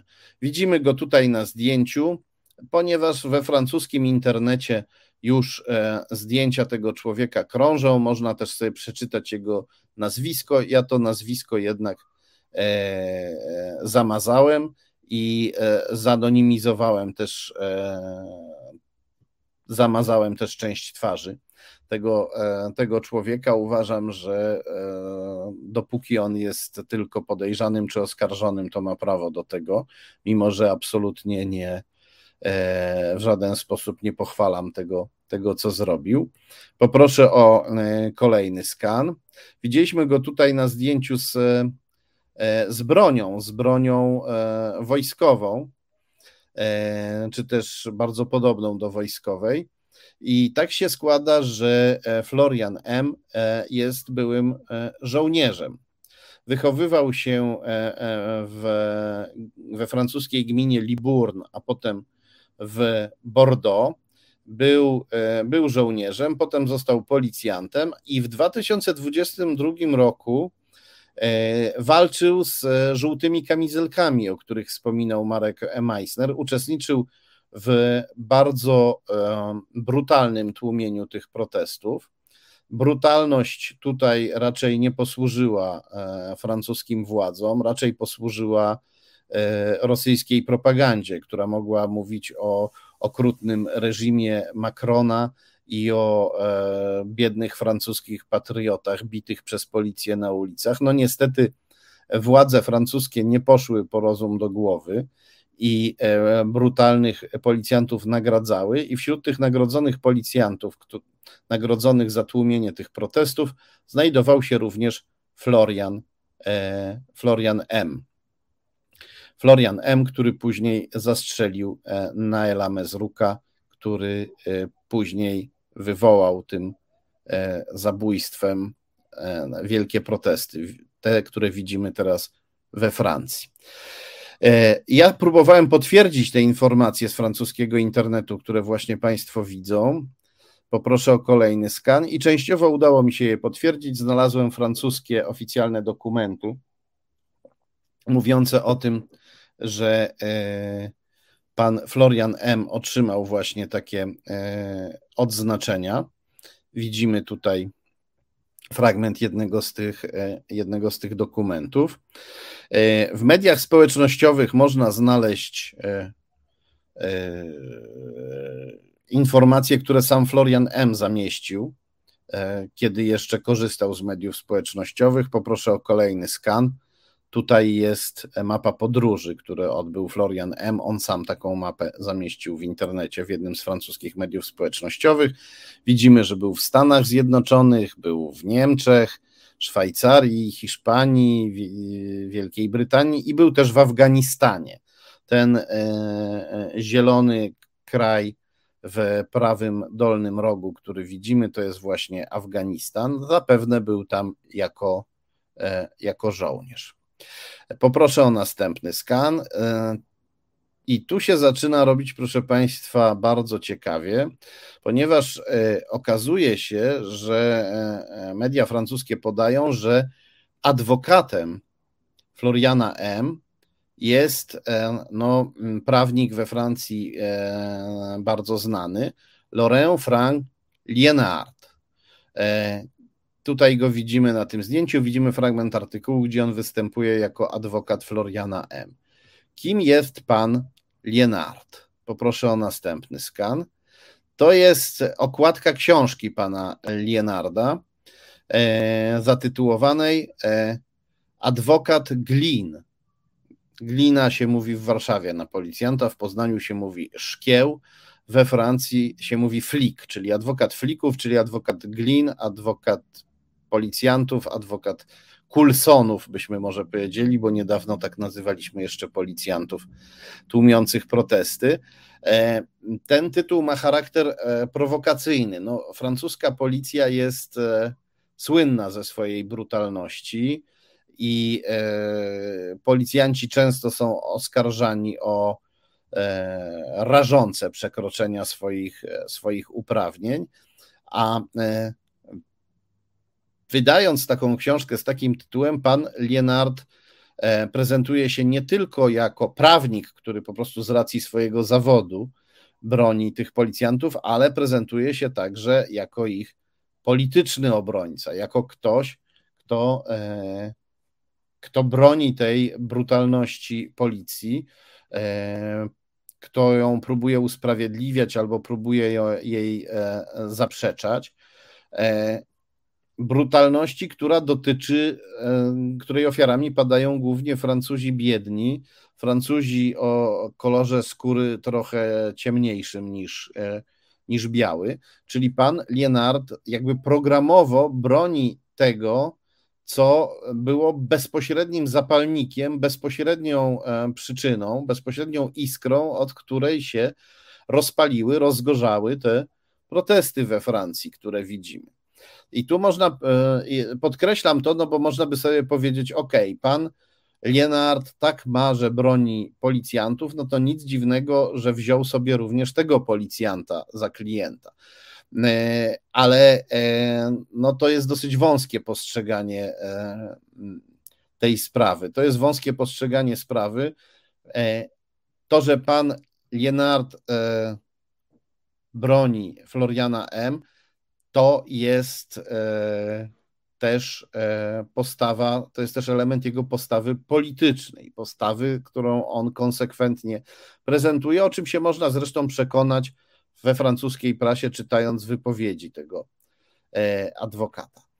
Dlaczego się nim zajmujemy? Dlaczego poświęcamy mu e, tyle czasu? Bo tak się dziwnie składa, poproszę o kolejny skan, że e, pan Lienard broni, broni policjantów, broni policjantów, jest dumny z tego, że broni policjantów E, i w tym się jakby specjalizuje i tym się, i tym się chwali, tym się pyszni, ale oprócz tych policjantów miał jeszcze jednego bardzo ciekawego klienta, którym e, był e, Aleksandr Benalla. Tutaj widzimy, widzieliśmy pana Lienarda przed chwilą, fragment artykułu, gdzie on się prezentował jako, się przedstawiał jako adwokat Aleksandra Benalla, a teraz widzimy tego Aleksandra Benalla, i, i czytamy tutaj, że Aleksander Benalla, e, wiceszef personelu prezydenta Macrona, wiceszef e, e, e, odpowiedzialny za e, bezpieczeństwo, czyli właściwie główny człowiek e, odpowiedzialny za bezpieczeństwo prezydenta i jego urzędu, pan Aleksander Benalla, był związany z rosyjskim oligarchą Mahmudowem. I e, kiedy to wypłynęło, no to był ogromny, kiedy ta informacja wypłynęła, to był ogromny problem e, wizerunkowy dla prezydenta Macrona. Mówiło się o, e, widać i Macron ma też powiązania z Rosją, nie tylko Marine Le Pen, tak to odebrano.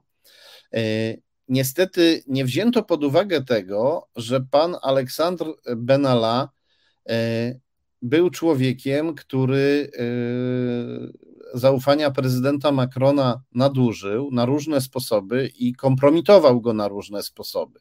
Tak jakby programowo chciał go skompromitować. Kompromitował go nie tylko tym, tymi swoimi rosyjskimi związkami, kompromitował go także różnymi innymi zachowaniami. Zachowywał się jak prowokator, który ma zniszczyć wizerunek prezydenta, prezydenta Macrona. Poproszę o kolejny skan. Zobaczmy sobie tutaj, o co dokładnie chodziło. Czytamy tutaj, to jest e, fragment artykułu z, e, e, ze strony telewizji France TV Info, ze strony internetowej telewizji France TV Info.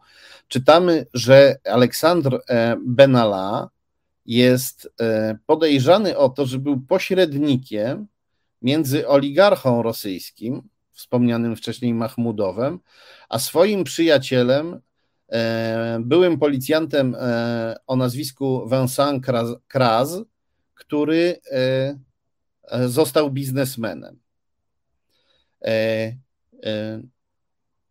Pan Kraz miał być takim szefem ochrony rosyjskiego oligarchy Mahmudowa. Czyli jak widać, powiązanie pana Benalla z rosyjskim oligarchą Mahmudowem było bardzo bliskie. Poproszę o kolejny skan. To dalszy ciąg. E, nie, to fragment innego artykułu z portalu France 24, France 24, e, to byłoby po francusku. E, czytamy tutaj, że pan Benalla ze swoim przyjacielem, panem Kraz, czyli tym samym człowiekiem, który e, miał zostać głównym ochroniarzem rosyjskiego oligarchy, tym samym człowiekiem, któremu Benalla załatwiał pracę u tego oligarchy, że panowie Benalla i Kras dali się sfilmować e, podczas tego, jak atakowali obywateli protestujących podczas święta 1 maja. I to jeszcze bardziej zaszkodziło Macronowi niż związki pana Benala z, francuski, z, z rosyjskim oligarchą. No, we Francji tak jest dopiero od niedawna. Tam związki z rosyjskimi oligarchami zaczęły być traktowane jako poważne, jako poważne zagrożenie. Doradca prezydenta Macrona, wiceszef jego, jego, jego biura, czy też wiceszef do spraw personalnych w biurze prezydenta, człowiek odpowiedzialny za e, bezpieczeństwo prezydenta. No, raczej trudno przypuścić, żeby ktoś taki e, dał się sfilmować i w ogóle zaczął atakować e, protestujących z głupoty. To, co zrobili obaj panowie, tam atakując tych protestujących, no to było, no to zakrawa na ewidentną, na ewidentną prowokację. Zobaczmy jeszcze, kim jest ten oligarcha Mahmudow. Poproszę o kolejny skan. Tak on tak wygląda. I e, możemy sobie tutaj powiedzieć, no dobrze, ale może ten Mahmudow to jest po prostu jakiś e, E, rosyjski bogacz, który się dorobił na, nie wiem, produkcji koszul albo butów. No, tak nie jest. Wystarczy sięgnąć do Wikipedii. Poproszę o kolejny skan, żeby przeczytać, że pan Mahmudow zaczął swoją karierę pracując dla różnych e, sowieckich organizacji wojskowych e, w Libii i w Iraku. A jak sięgniemy głębiej, poproszę o następny skan, to na przykład na e, niezależnym antykremlowskim portalu Meduza przeczytamy, że e, e, milionerzy e, e, Mahmudow i jego przyjaciel Andrzej Bokarew to wieloletni sojusznicy Kremla, bliscy sojusznicy Kremla, przyjaciele Kremla. Y, którzy y, wielokrotnie y, są, wielokrotnie dostają gigantyczne zlecenia od rosyjskiego państwa. Obaj panowie Mahmudow i Bokaryw posiadali udziały do 2017 roku w słynnej fabryce karabinów Kałasznikowa. Jedna z ich firm dostarcza silniki do rosyjskich okrętów wojennych. Zatem, jeżeli człowiek odpowiedzialny za bezpieczeństwo prezydenta Macrona wchodzi w układy z kimś takim jak pan Mahmudow, e, oligarchą Kremla i kremlowskich e, dowódców wojskowych, no to raczej nie robi tego z głupoty, prawda? To, kim jest pan Mahmudow, jest ewidentne. No, nawet największy idiota, nie tylko e, główny doradca Macrona do spraw bezpieczeństwa, musiałby wiedzieć, kim jest Mahmudow i z kim się, i z kim się zadaje. Więc sprawa pana Benalla w sposób oczywisty wygląda na prowokację. Ja poproszę tutaj jeszcze o jeden skan, takie zdjęcie. Tutaj e, widzimy Bokariewa, przyjaciela Mahmudowa z samym Putinem jak panowie tutaj się e, e, bawią e, modelem jakiegoś, jeśli dobrze widzę, szybkiego, szybkiej łodzi wojskowej.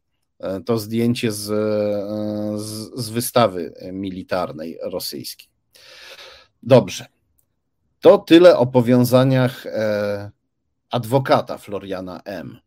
Człowieka, który zabił młodego e, Francuza obcego pochodzenia i wywołał w ten sposób e, rozruchy we Francji. E, zobaczmy, kto jeszcze broni Floriana M. No bo oczywiście on ma nie tylko adwokata, on ma też, jak to się mówi, adwokatów w cudzysłowie, czyli działaczy, którzy na arenie publicznej go bronią. Zobaczyłem, że Floriana M. broni e, organizacja pozarządowa, która się nazwała Instytutem Sprawiedliwości. To jest ten skan, który widzimy. E, Instytut Sprawiedliwości e, domaga się, żeby Florian został natychmiast wypuszczony z aresztu, mimo że jest podejrzany o zabójstwo. Tutaj czytamy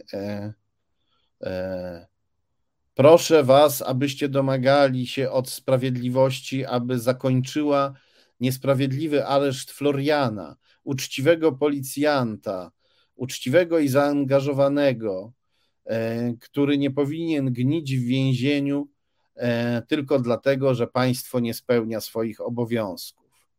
E, kto tutaj się podpisał pod tym apelem? Podpisała się pani Axel Teje, prezydentka Instytutu Sprawiedliwości. No dobrze, to postanowiłem sprawdzić, kim jest ta pani i czym jest ten Instytut Sprawiedliwości, który broni Floriana M.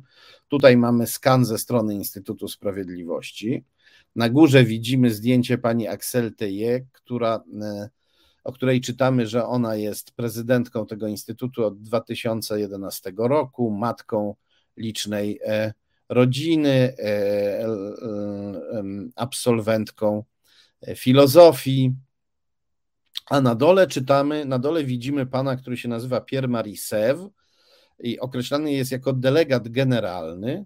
I czytamy, że e, wprawdzie pani Axel Teje jest prezydentką, ale Pierre-Marie Sèvres, bo tak się nazywa ten pan, jest dyrektorem Instytutu Sprawiedliwości od 2020 roku i e, e, rządzi tą organizacją w jej codziennych działaniach. Czyli tak naprawdę to on, e, to on rządzi w tej, tej instytucji.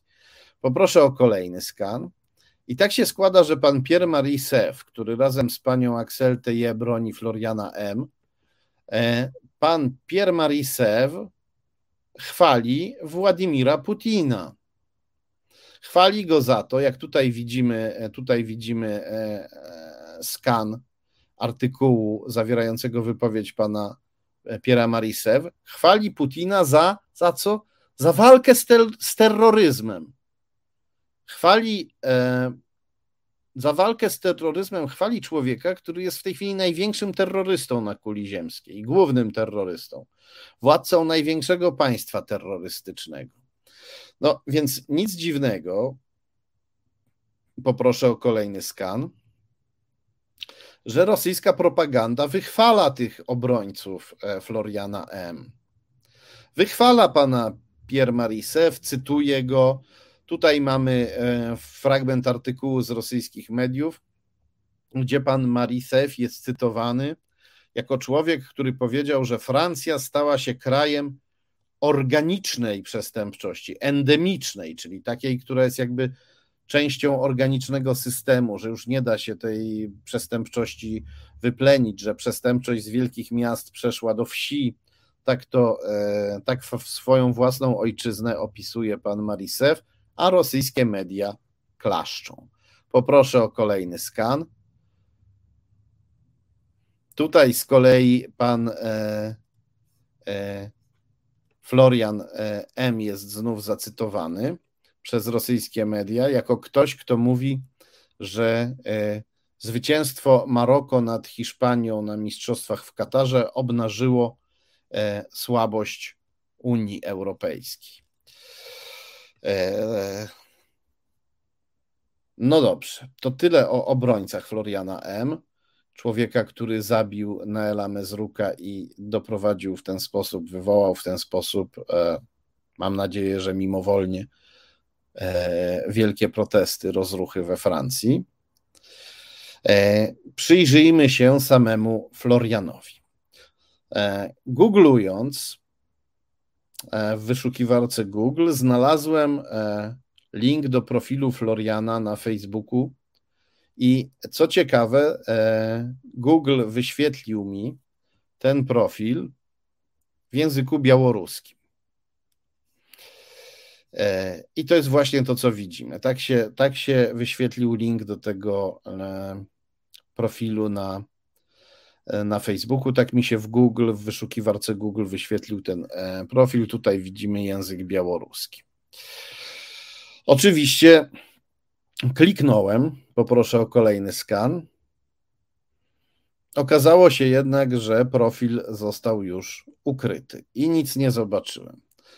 E, przeszedłem więc na mój własny profil na Facebooku. Poproszę o kolejny skan. I co się okazało? Okazało się, że nagle e, e, w moim, na moim profilu na Facebooku ustawienia językowe zostały zmienione. Język został zmieniony z polskiego na białoruski. Oczywiście natychmiast za, poinformowałem Facebook. Nie wiem, czy to się stało. Zakładam, że mogło stać się przypadkiem, e, że to mógł być jakiś chochlik, a zupełnie przypadkowy, ale e, eksperci mówią, że taka zmiana ustawień może oznaczać, że ktoś mi się włamał na profil albo przynajmniej próbował włamać, więc poinformowałem e, Facebook, podjąłem niezbędne środki ostrożności. Nie mogłem się w związku z tym wszystkim przyjrzeć profilowi pana Floriana M E, ale przyjrzałem się profilowi innych ludzi o tym samym e, nazwisku z gminy Liburn, która nie jest duża, więc zakładam, że ci ludzie o tym samym nazwisku e, są jego krewnymi. Poproszę o kolejny skan. Znalazłem tam profil niejakiego no, zadowólmy się inicjałami tego człowieka. Nie chcę tu e, nikogo dekonspirować. Tak ten pan e, wygląda, ma to, tak wygląda profil tego pana, nagłówek profilu tego pana, ma tutaj to samo nazwisko, widzimy, które też niestety musiałem zamazać. Widzimy, że mieszka w Liburn i okazało się, że ten pan e, najpewniej e, krewny e, Floriana M. jest wielkim e, przeciwnikiem prezydenta Macrona. E, nie będę tutaj Wam pokazywał wszystkiego, co znalazłem na tym profilu, bo tam są rzeczy dość obsceniczne. To jest e, powiedzmy taka, którą jeszcze można w miarę pokazać. Tutaj jest prezydent Macron przedstawiony jako świnia, aczkolwiek e, tekst, który czytamy, mówi, że w przeciwieństwie do świni w Macronie nie ma nic dobrego. Poproszę o następny skan. Tutaj pan M udostępnił E, zdjęcie, na którym e, twarze prezydenta Macrona i jego żony są profesjonalnie zniekształcone, profesjonalnie postarzone. Przy czym, ponieważ jak wiemy, żona prezydenta Macrona jest od niego znacznie starsza, więc w jej przypadku dokonano e, no, takiego bardzo daleko idącego postarzenia i takiego, jakby to powiedzieć, bardzo agresywnego, bardzo E, bardzo niemiłego dla żony prezydenta, dla żony prezydenta Macrona. Tego rodzaju manipulacje są e, typowe dla e, rosyjskiej propagandy w internecie.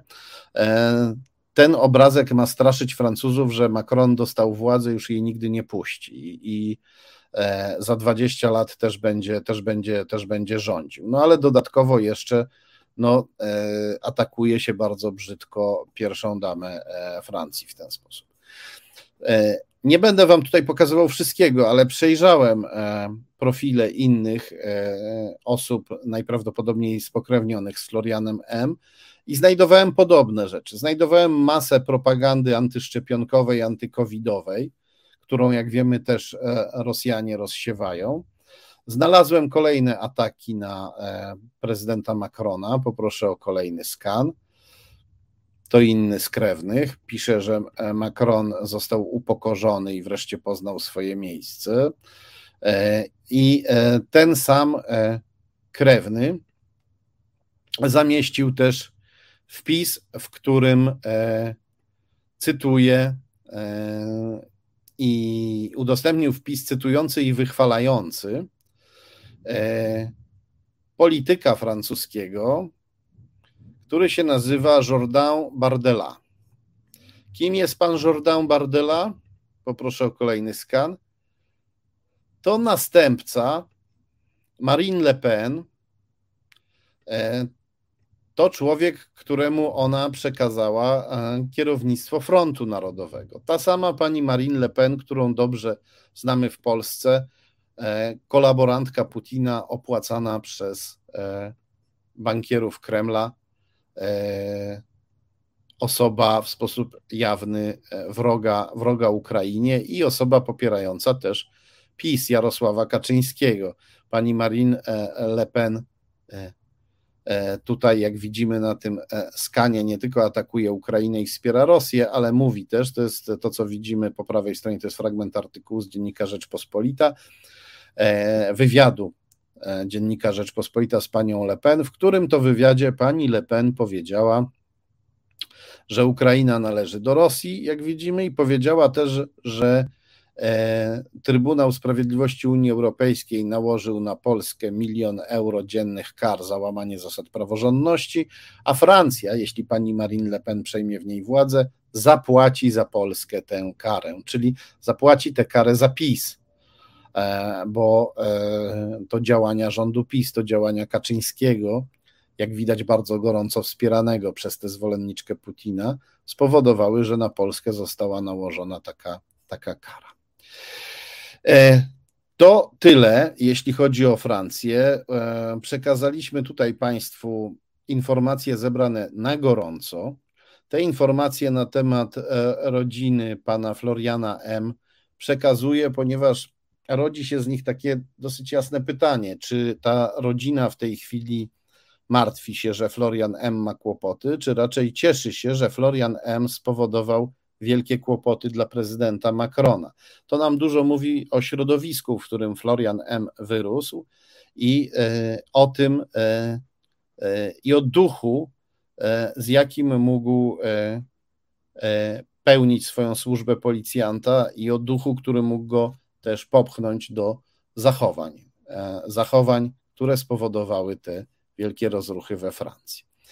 A teraz przechodzimy do ostatniego bohatera naszego wieczoru, e, którym jest e, Ryszard Terlecki. Zostawiamy Francję, wracamy do Polski i do Białorusi. Dlaczego do Białorusi? Ponieważ Ryszard Terlecki, przypomnę, jeśli ktoś nie pamięta, jest wielkim zwolennikiem e, reżimu Łukaszenki.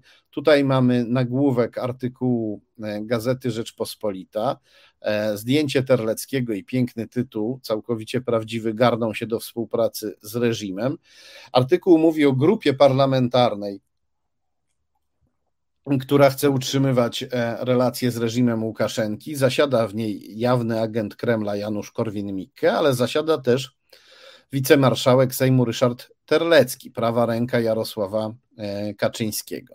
Terlecki, też przypomnę, wielokrotnie E, jeździł na Białoruś, gdzie spotykał się z prokremlowskimi dygnitarzami tego prokremlowskiego reżimu i udzielił też wywiadu E, głównemu dziennikowi Łukaszenki, to, był, to jest oficjalny mm, organ prasowy dyktatury białoruskiej.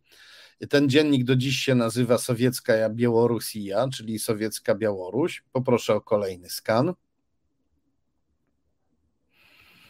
To jest właśnie nagłówek tego wywiadu, gdzie czytamy, że wicemarszał Sejma Polszy Ryszard Terlecki atwiecił na waprosy e, SB, SB to skrót od sowiecka Białorusja.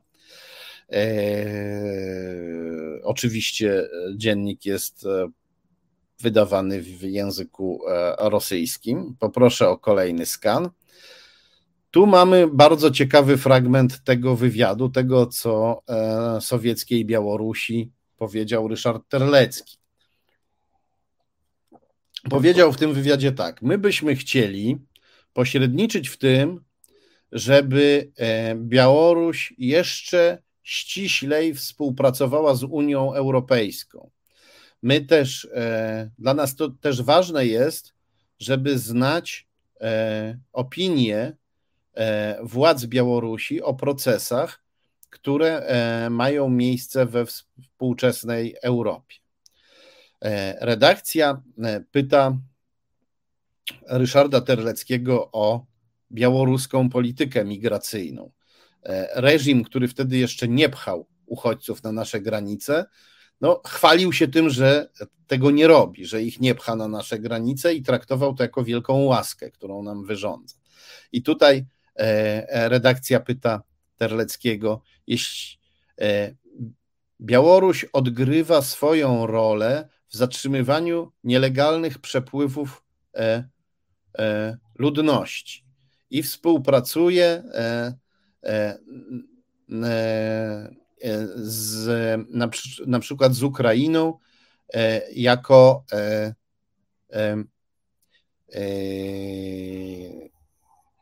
jako, czy też jest, podobnie jak Ukraina, jest dawcą bezpieczeństwa. O tak to można, tak to można przetłumaczyć. Czy nadal Białoruś będzie odgrywać tę rolę? Tak będzie traktowana jak dawca bezpieczeństwa, czyli ktoś, kto broni Unię Europejską przed migrantami.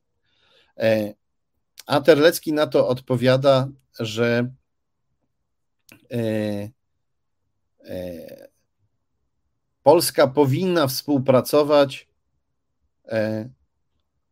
które, z, z państwami, które, które tu, że Polska powinna uczestniczyć w tej współpracy na rzecz, na rzecz powstrzymania tych, tych imigrantów, a potem mówi, e, zaczyna się skarżyć na imigrantów z Ukrainy, których nie można nazwać uchodźcami, a Polska ma już ich milion, mówi to w 2016 roku. E, I zaczyna tutaj e, się skarżyć, zaczyna wzdychać nad tą obecnością imigrantów z Ukrainy w Polsce. Tak sobie gaworzy wicemarszałek Sejmu z sowiecką Białorusią, z głównym dziennikiem, z oficjalnym dziennikiem białoruskiej, białoruskiej, e, białoruskiej dyktatury. Poproszę o kolejny skan. A tutaj mamy już rok 2020. Wybuchają wielkie protesty w Białorusi. Dziennikarka pyta Ryszarda e, Terleckiego, dziennikarka TVN24, co, co relacjonuje tygodnik wprost. Dziennikarka TVN24 pyta wicemarszałka Terlackiego, co Polska powinna zrobić dla protestującej Białorusi, walczącej o wolność. Niewiele możemy zrobić, odpowiada Terlecki, poza oświadczeniem prezydenta i naszymi apelami o nieużywanie przemocy. A co innego można zrobić? Dziennikarka pyta, czy Polska nie powinna zrobić dla Białorusi tyle, co potrafiła zrobić dla Ukrainy w 2014 roku, kiedy wspieraliśmy Majdan. Nie możemy, odpowiada Terlecki, nie wiemy, co się tam dzieje. W tej chwili w Mińsku jest spokojnie, nie ma żadnych demonstracji.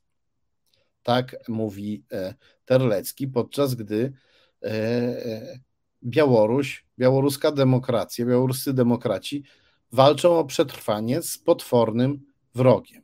Wreszcie prezydentka Białorusi, wypchnięta ze swojego kraju przez dyktatora Łukaszenkę, Światłana Cichanowska, przyjeżdża do Warszawy. Poproszę o kolejny skan. Przybywa do Warszawy i spotyka się z polskimi poli demokratycznymi politykami, z Rafałem Trzaskowskim. I wtedy Terlecki atakuje Cichanowską i sugeruje, że ona jest związana z Moskwą. My tutaj te słowa Terleckiego odbieraliśmy przeważnie jako wyraz wojny polsko-polskiej między Platformą i PiS, że PiS jest tak zaciekły, zacietrzewiony, bo tak bardzo nienawidzi Platformy Obywatelskiej, że aż opowiada takie głupoty. Błąd. My zapominamy o tym, że PiS jest graczem na arenie międzynarodowej, że PiS ma przyjaciół za granicą, za wschodnią granicą. I kiedy Terlecki mówi coś takiego, to on próbuje dyskredytować białoruską opozycję demokratyczną po to, żebyśmy my się od niej odwrócili, po to, żebyśmy jej nie popierali. I e, rozsiewa dezinformację, jakoby wrogowie Kremla byli związani z Kremlem. Postanowiłem więc e, przyjrzeć się głębszej przeszłości e, wicemarszałka Terleckiego. E, jego historia malownicza jest znana. Wiadomo, że był hipisem, że był opozycjonistą. Wiadomo, że e, kiedy był opozycjonistą, to chronił go jego ojciec, e, wieloletni konfident najpierw Urzędu Bezpieczeństwa, potem Służby Bezpieczeństwa. No ale postanowiłem dowiedzieć się o Terleckim więcej. Poproszę o kolejny skan.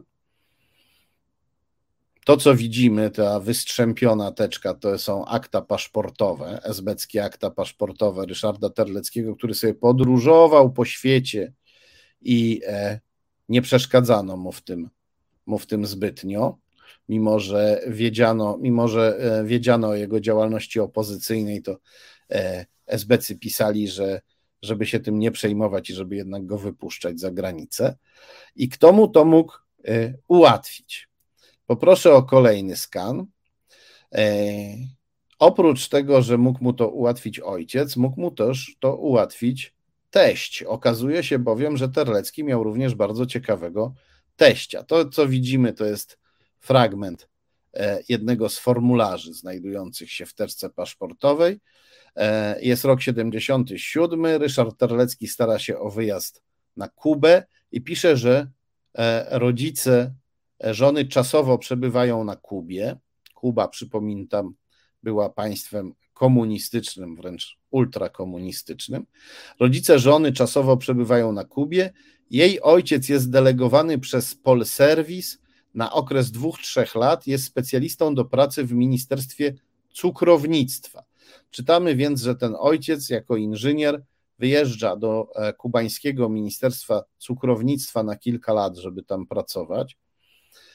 I jest tam delegowany przez Polserwis, czyli przez E, PRL-owską Centralę Handlu Zagranicznego, które to centrale, jak wiemy, były kontrolowane i głęboko, stuprocentowo chciałoby się powiedzieć, jeśli można tak powiedzieć, ale na pewno bardzo dogłębnie, infiltrowane przez komunistyczny wywiad. Przez komunistyczny wywiad.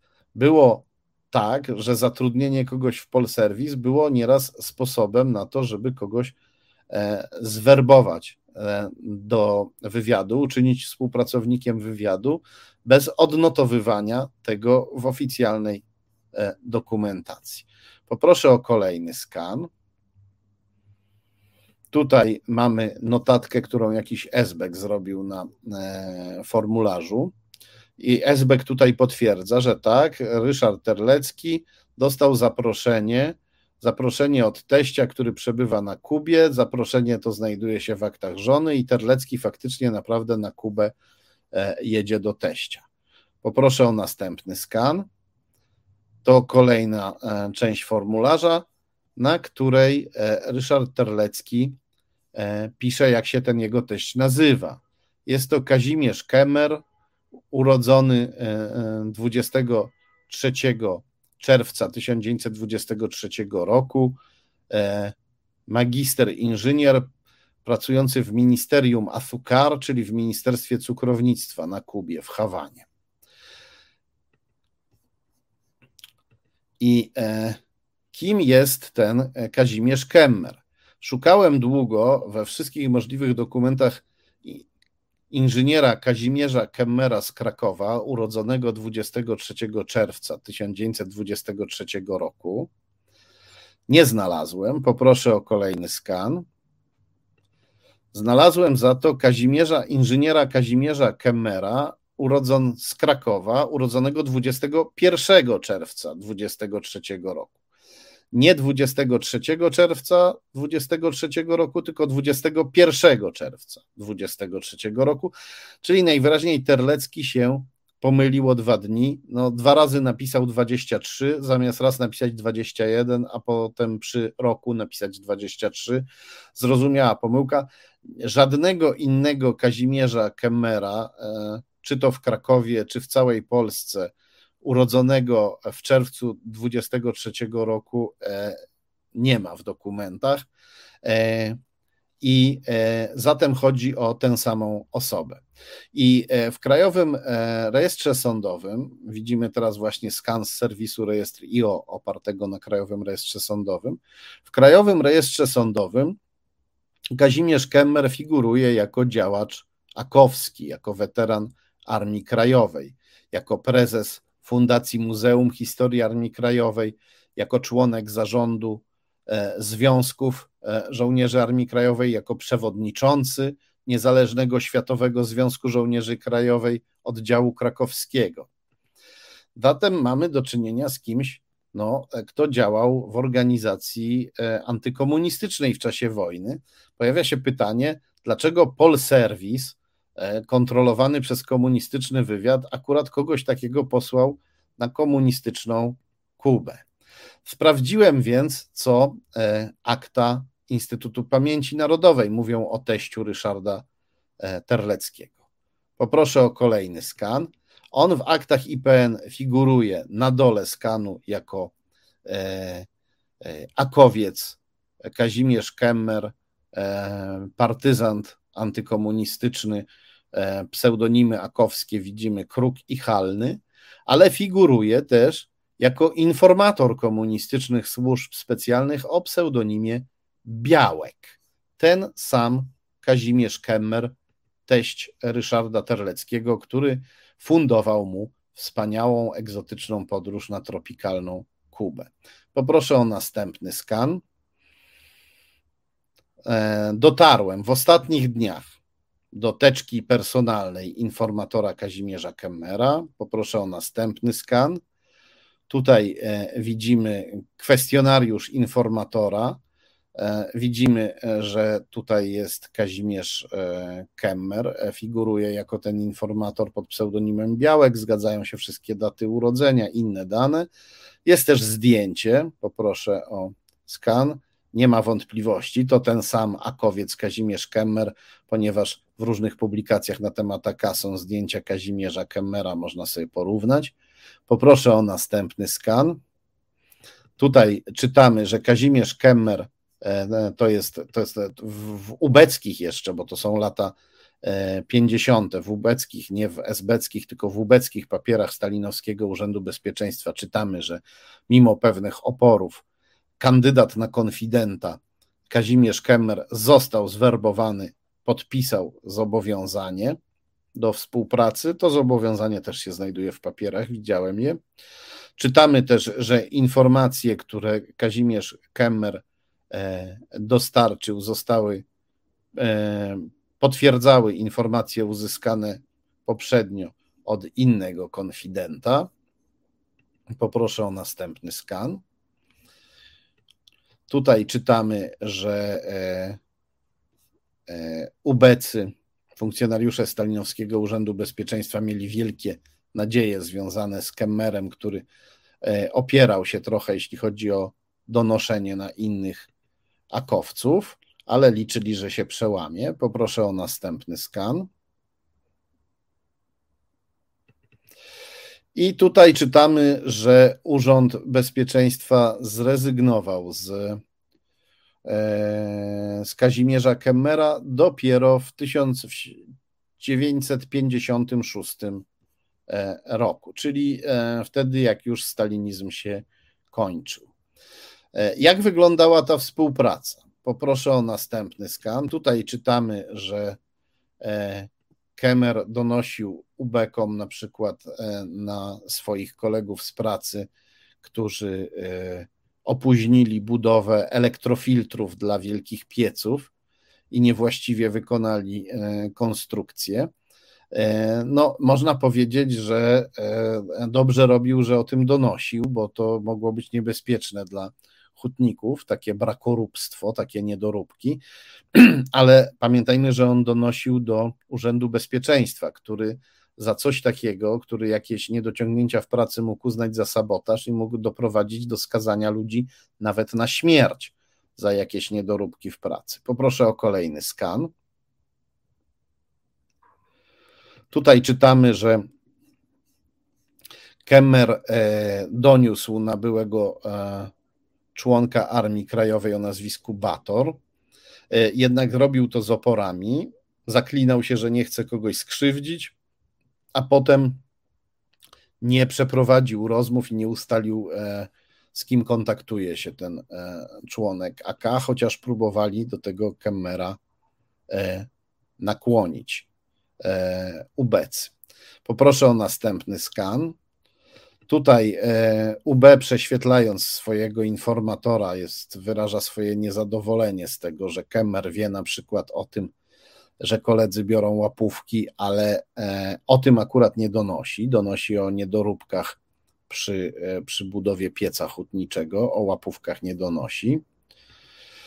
I w końcu, poproszę o następny skan, w końcu postawę Kemmera ubecy oceniają w ten sposób. Uważam, że ten informator ma brak twardego i silnego charakteru. E, e, jest materialistą, to znaczy chciałby mieć jak najwięcej dochodów finansowych i nawet dotychczasowy kontakt z organami bezpieczeństwa publicznego starał się często wykorzystać do poparcia go w otrzymaniu premii. E, zapewne premii pieniężnej. Względnie dawał informacje, które jemu samemu pomogłyby w lepszej pracy i lepszym zarobku. To znaczy, że e, e, Kemer donosił na tych, których chciał sobie usunąć z drogi w swojej karierze inżyniera. Donosił na konkurentów, którzy mogli mu zagrodzić drogę do kariery. E, oczywiście pamiętajmy, że to pisze Ubek, czyli człowiek, który może widzieć wszystko w sposób skrzywiony i może źle oceniać e, Kemera, późniejszego teścia Ryszarda Terleckiego, ale z drugiej strony widzimy tutaj, że e, Kemera starali się ubecy prześwietlić bardzo dokładnie. I to, że Kemer za swoją postawę E, za swoje wybiórcze podejście do swojej roli konfidenta nie został ukarany, e, świadczy o tym, że prawdopodobnie ubecy e, byli bardzo mocno przekonani i mieli, mieli wiele dowodów na to, że Kemer jest, jak to określili, materialistą, czyli cwaniakiem, który nie działa z, z żadnych ideowych przyczyn, tylko który stara się jak najwięcej zarobić na swojej współpracy z SB, a równocześnie nikomu się kolegom się jak najmniej narazić, oprócz tych kolegów, którzy mu stoją na drodze, którzy mu zawadzają.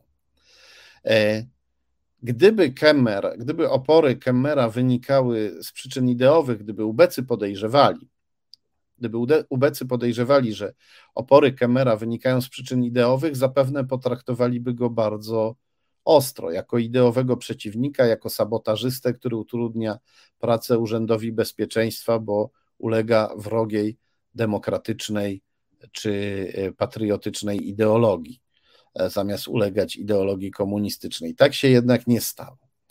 Co potem jeszcze znajdujemy w teczce e, teścia Ryszarda Terleckiego? Dowiadujemy się, że w 1966 roku władze wojewódzkie krakowskiej służby bezpieczeństwa E, zainteresowały się e, Kemmerem, wysłały zapytanie do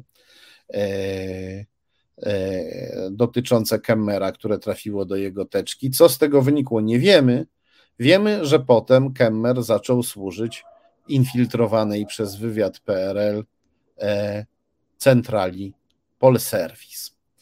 I to już byłby koniec na dziś, gdyby nie to, że mam jeszcze jeden skan, który muszę pokazać. Kochani, Przypominam o zbiórce na billboardy, dzięki którym zareklamujemy tę książkę, książkę Wielkie Łowy Kaczyńskiego. Billboardy te znajdą się w polskich miejscowościach, nie tylko tych dużych, e, także tych mniejszych. Bardzo zależy nam na tym, żeby jeszcze przed jesienią się tam znalazły. Dlatego gorąco dziękuję za każdą wpłatę. Te transmisje obejrzy prawdopodobnie jakieś 10 tysięcy osób, mam nadzieję. Gdyby każda z tych osób wpłaciła 20-24 zł, no to być może e, zbiórka by się skończyła już w tym tygodniu. Gorąco zachęcam do wsparcia i do lektury, do czytania książki Wielkie Łowy Kaczyńskiego, gdzie jest więcej jeszcze o Ryszardzie Terleckim i o innych współpracownikach Jarosława Kaczyńskiego. Muszę kończyć, bo za chwilę prawoteka. Wielkie dzięki. Dziękuję realizatorowi Marcinowi. Ściskam Was mocno. Przypominam o łapkach i przypominam o zbiórce na billboardy na portalu zrzutka.pl. Bardzo gorąco zachęcam, bardzo gorąco dziękuję. Widzimy się za tydzień, a teraz prawoteka.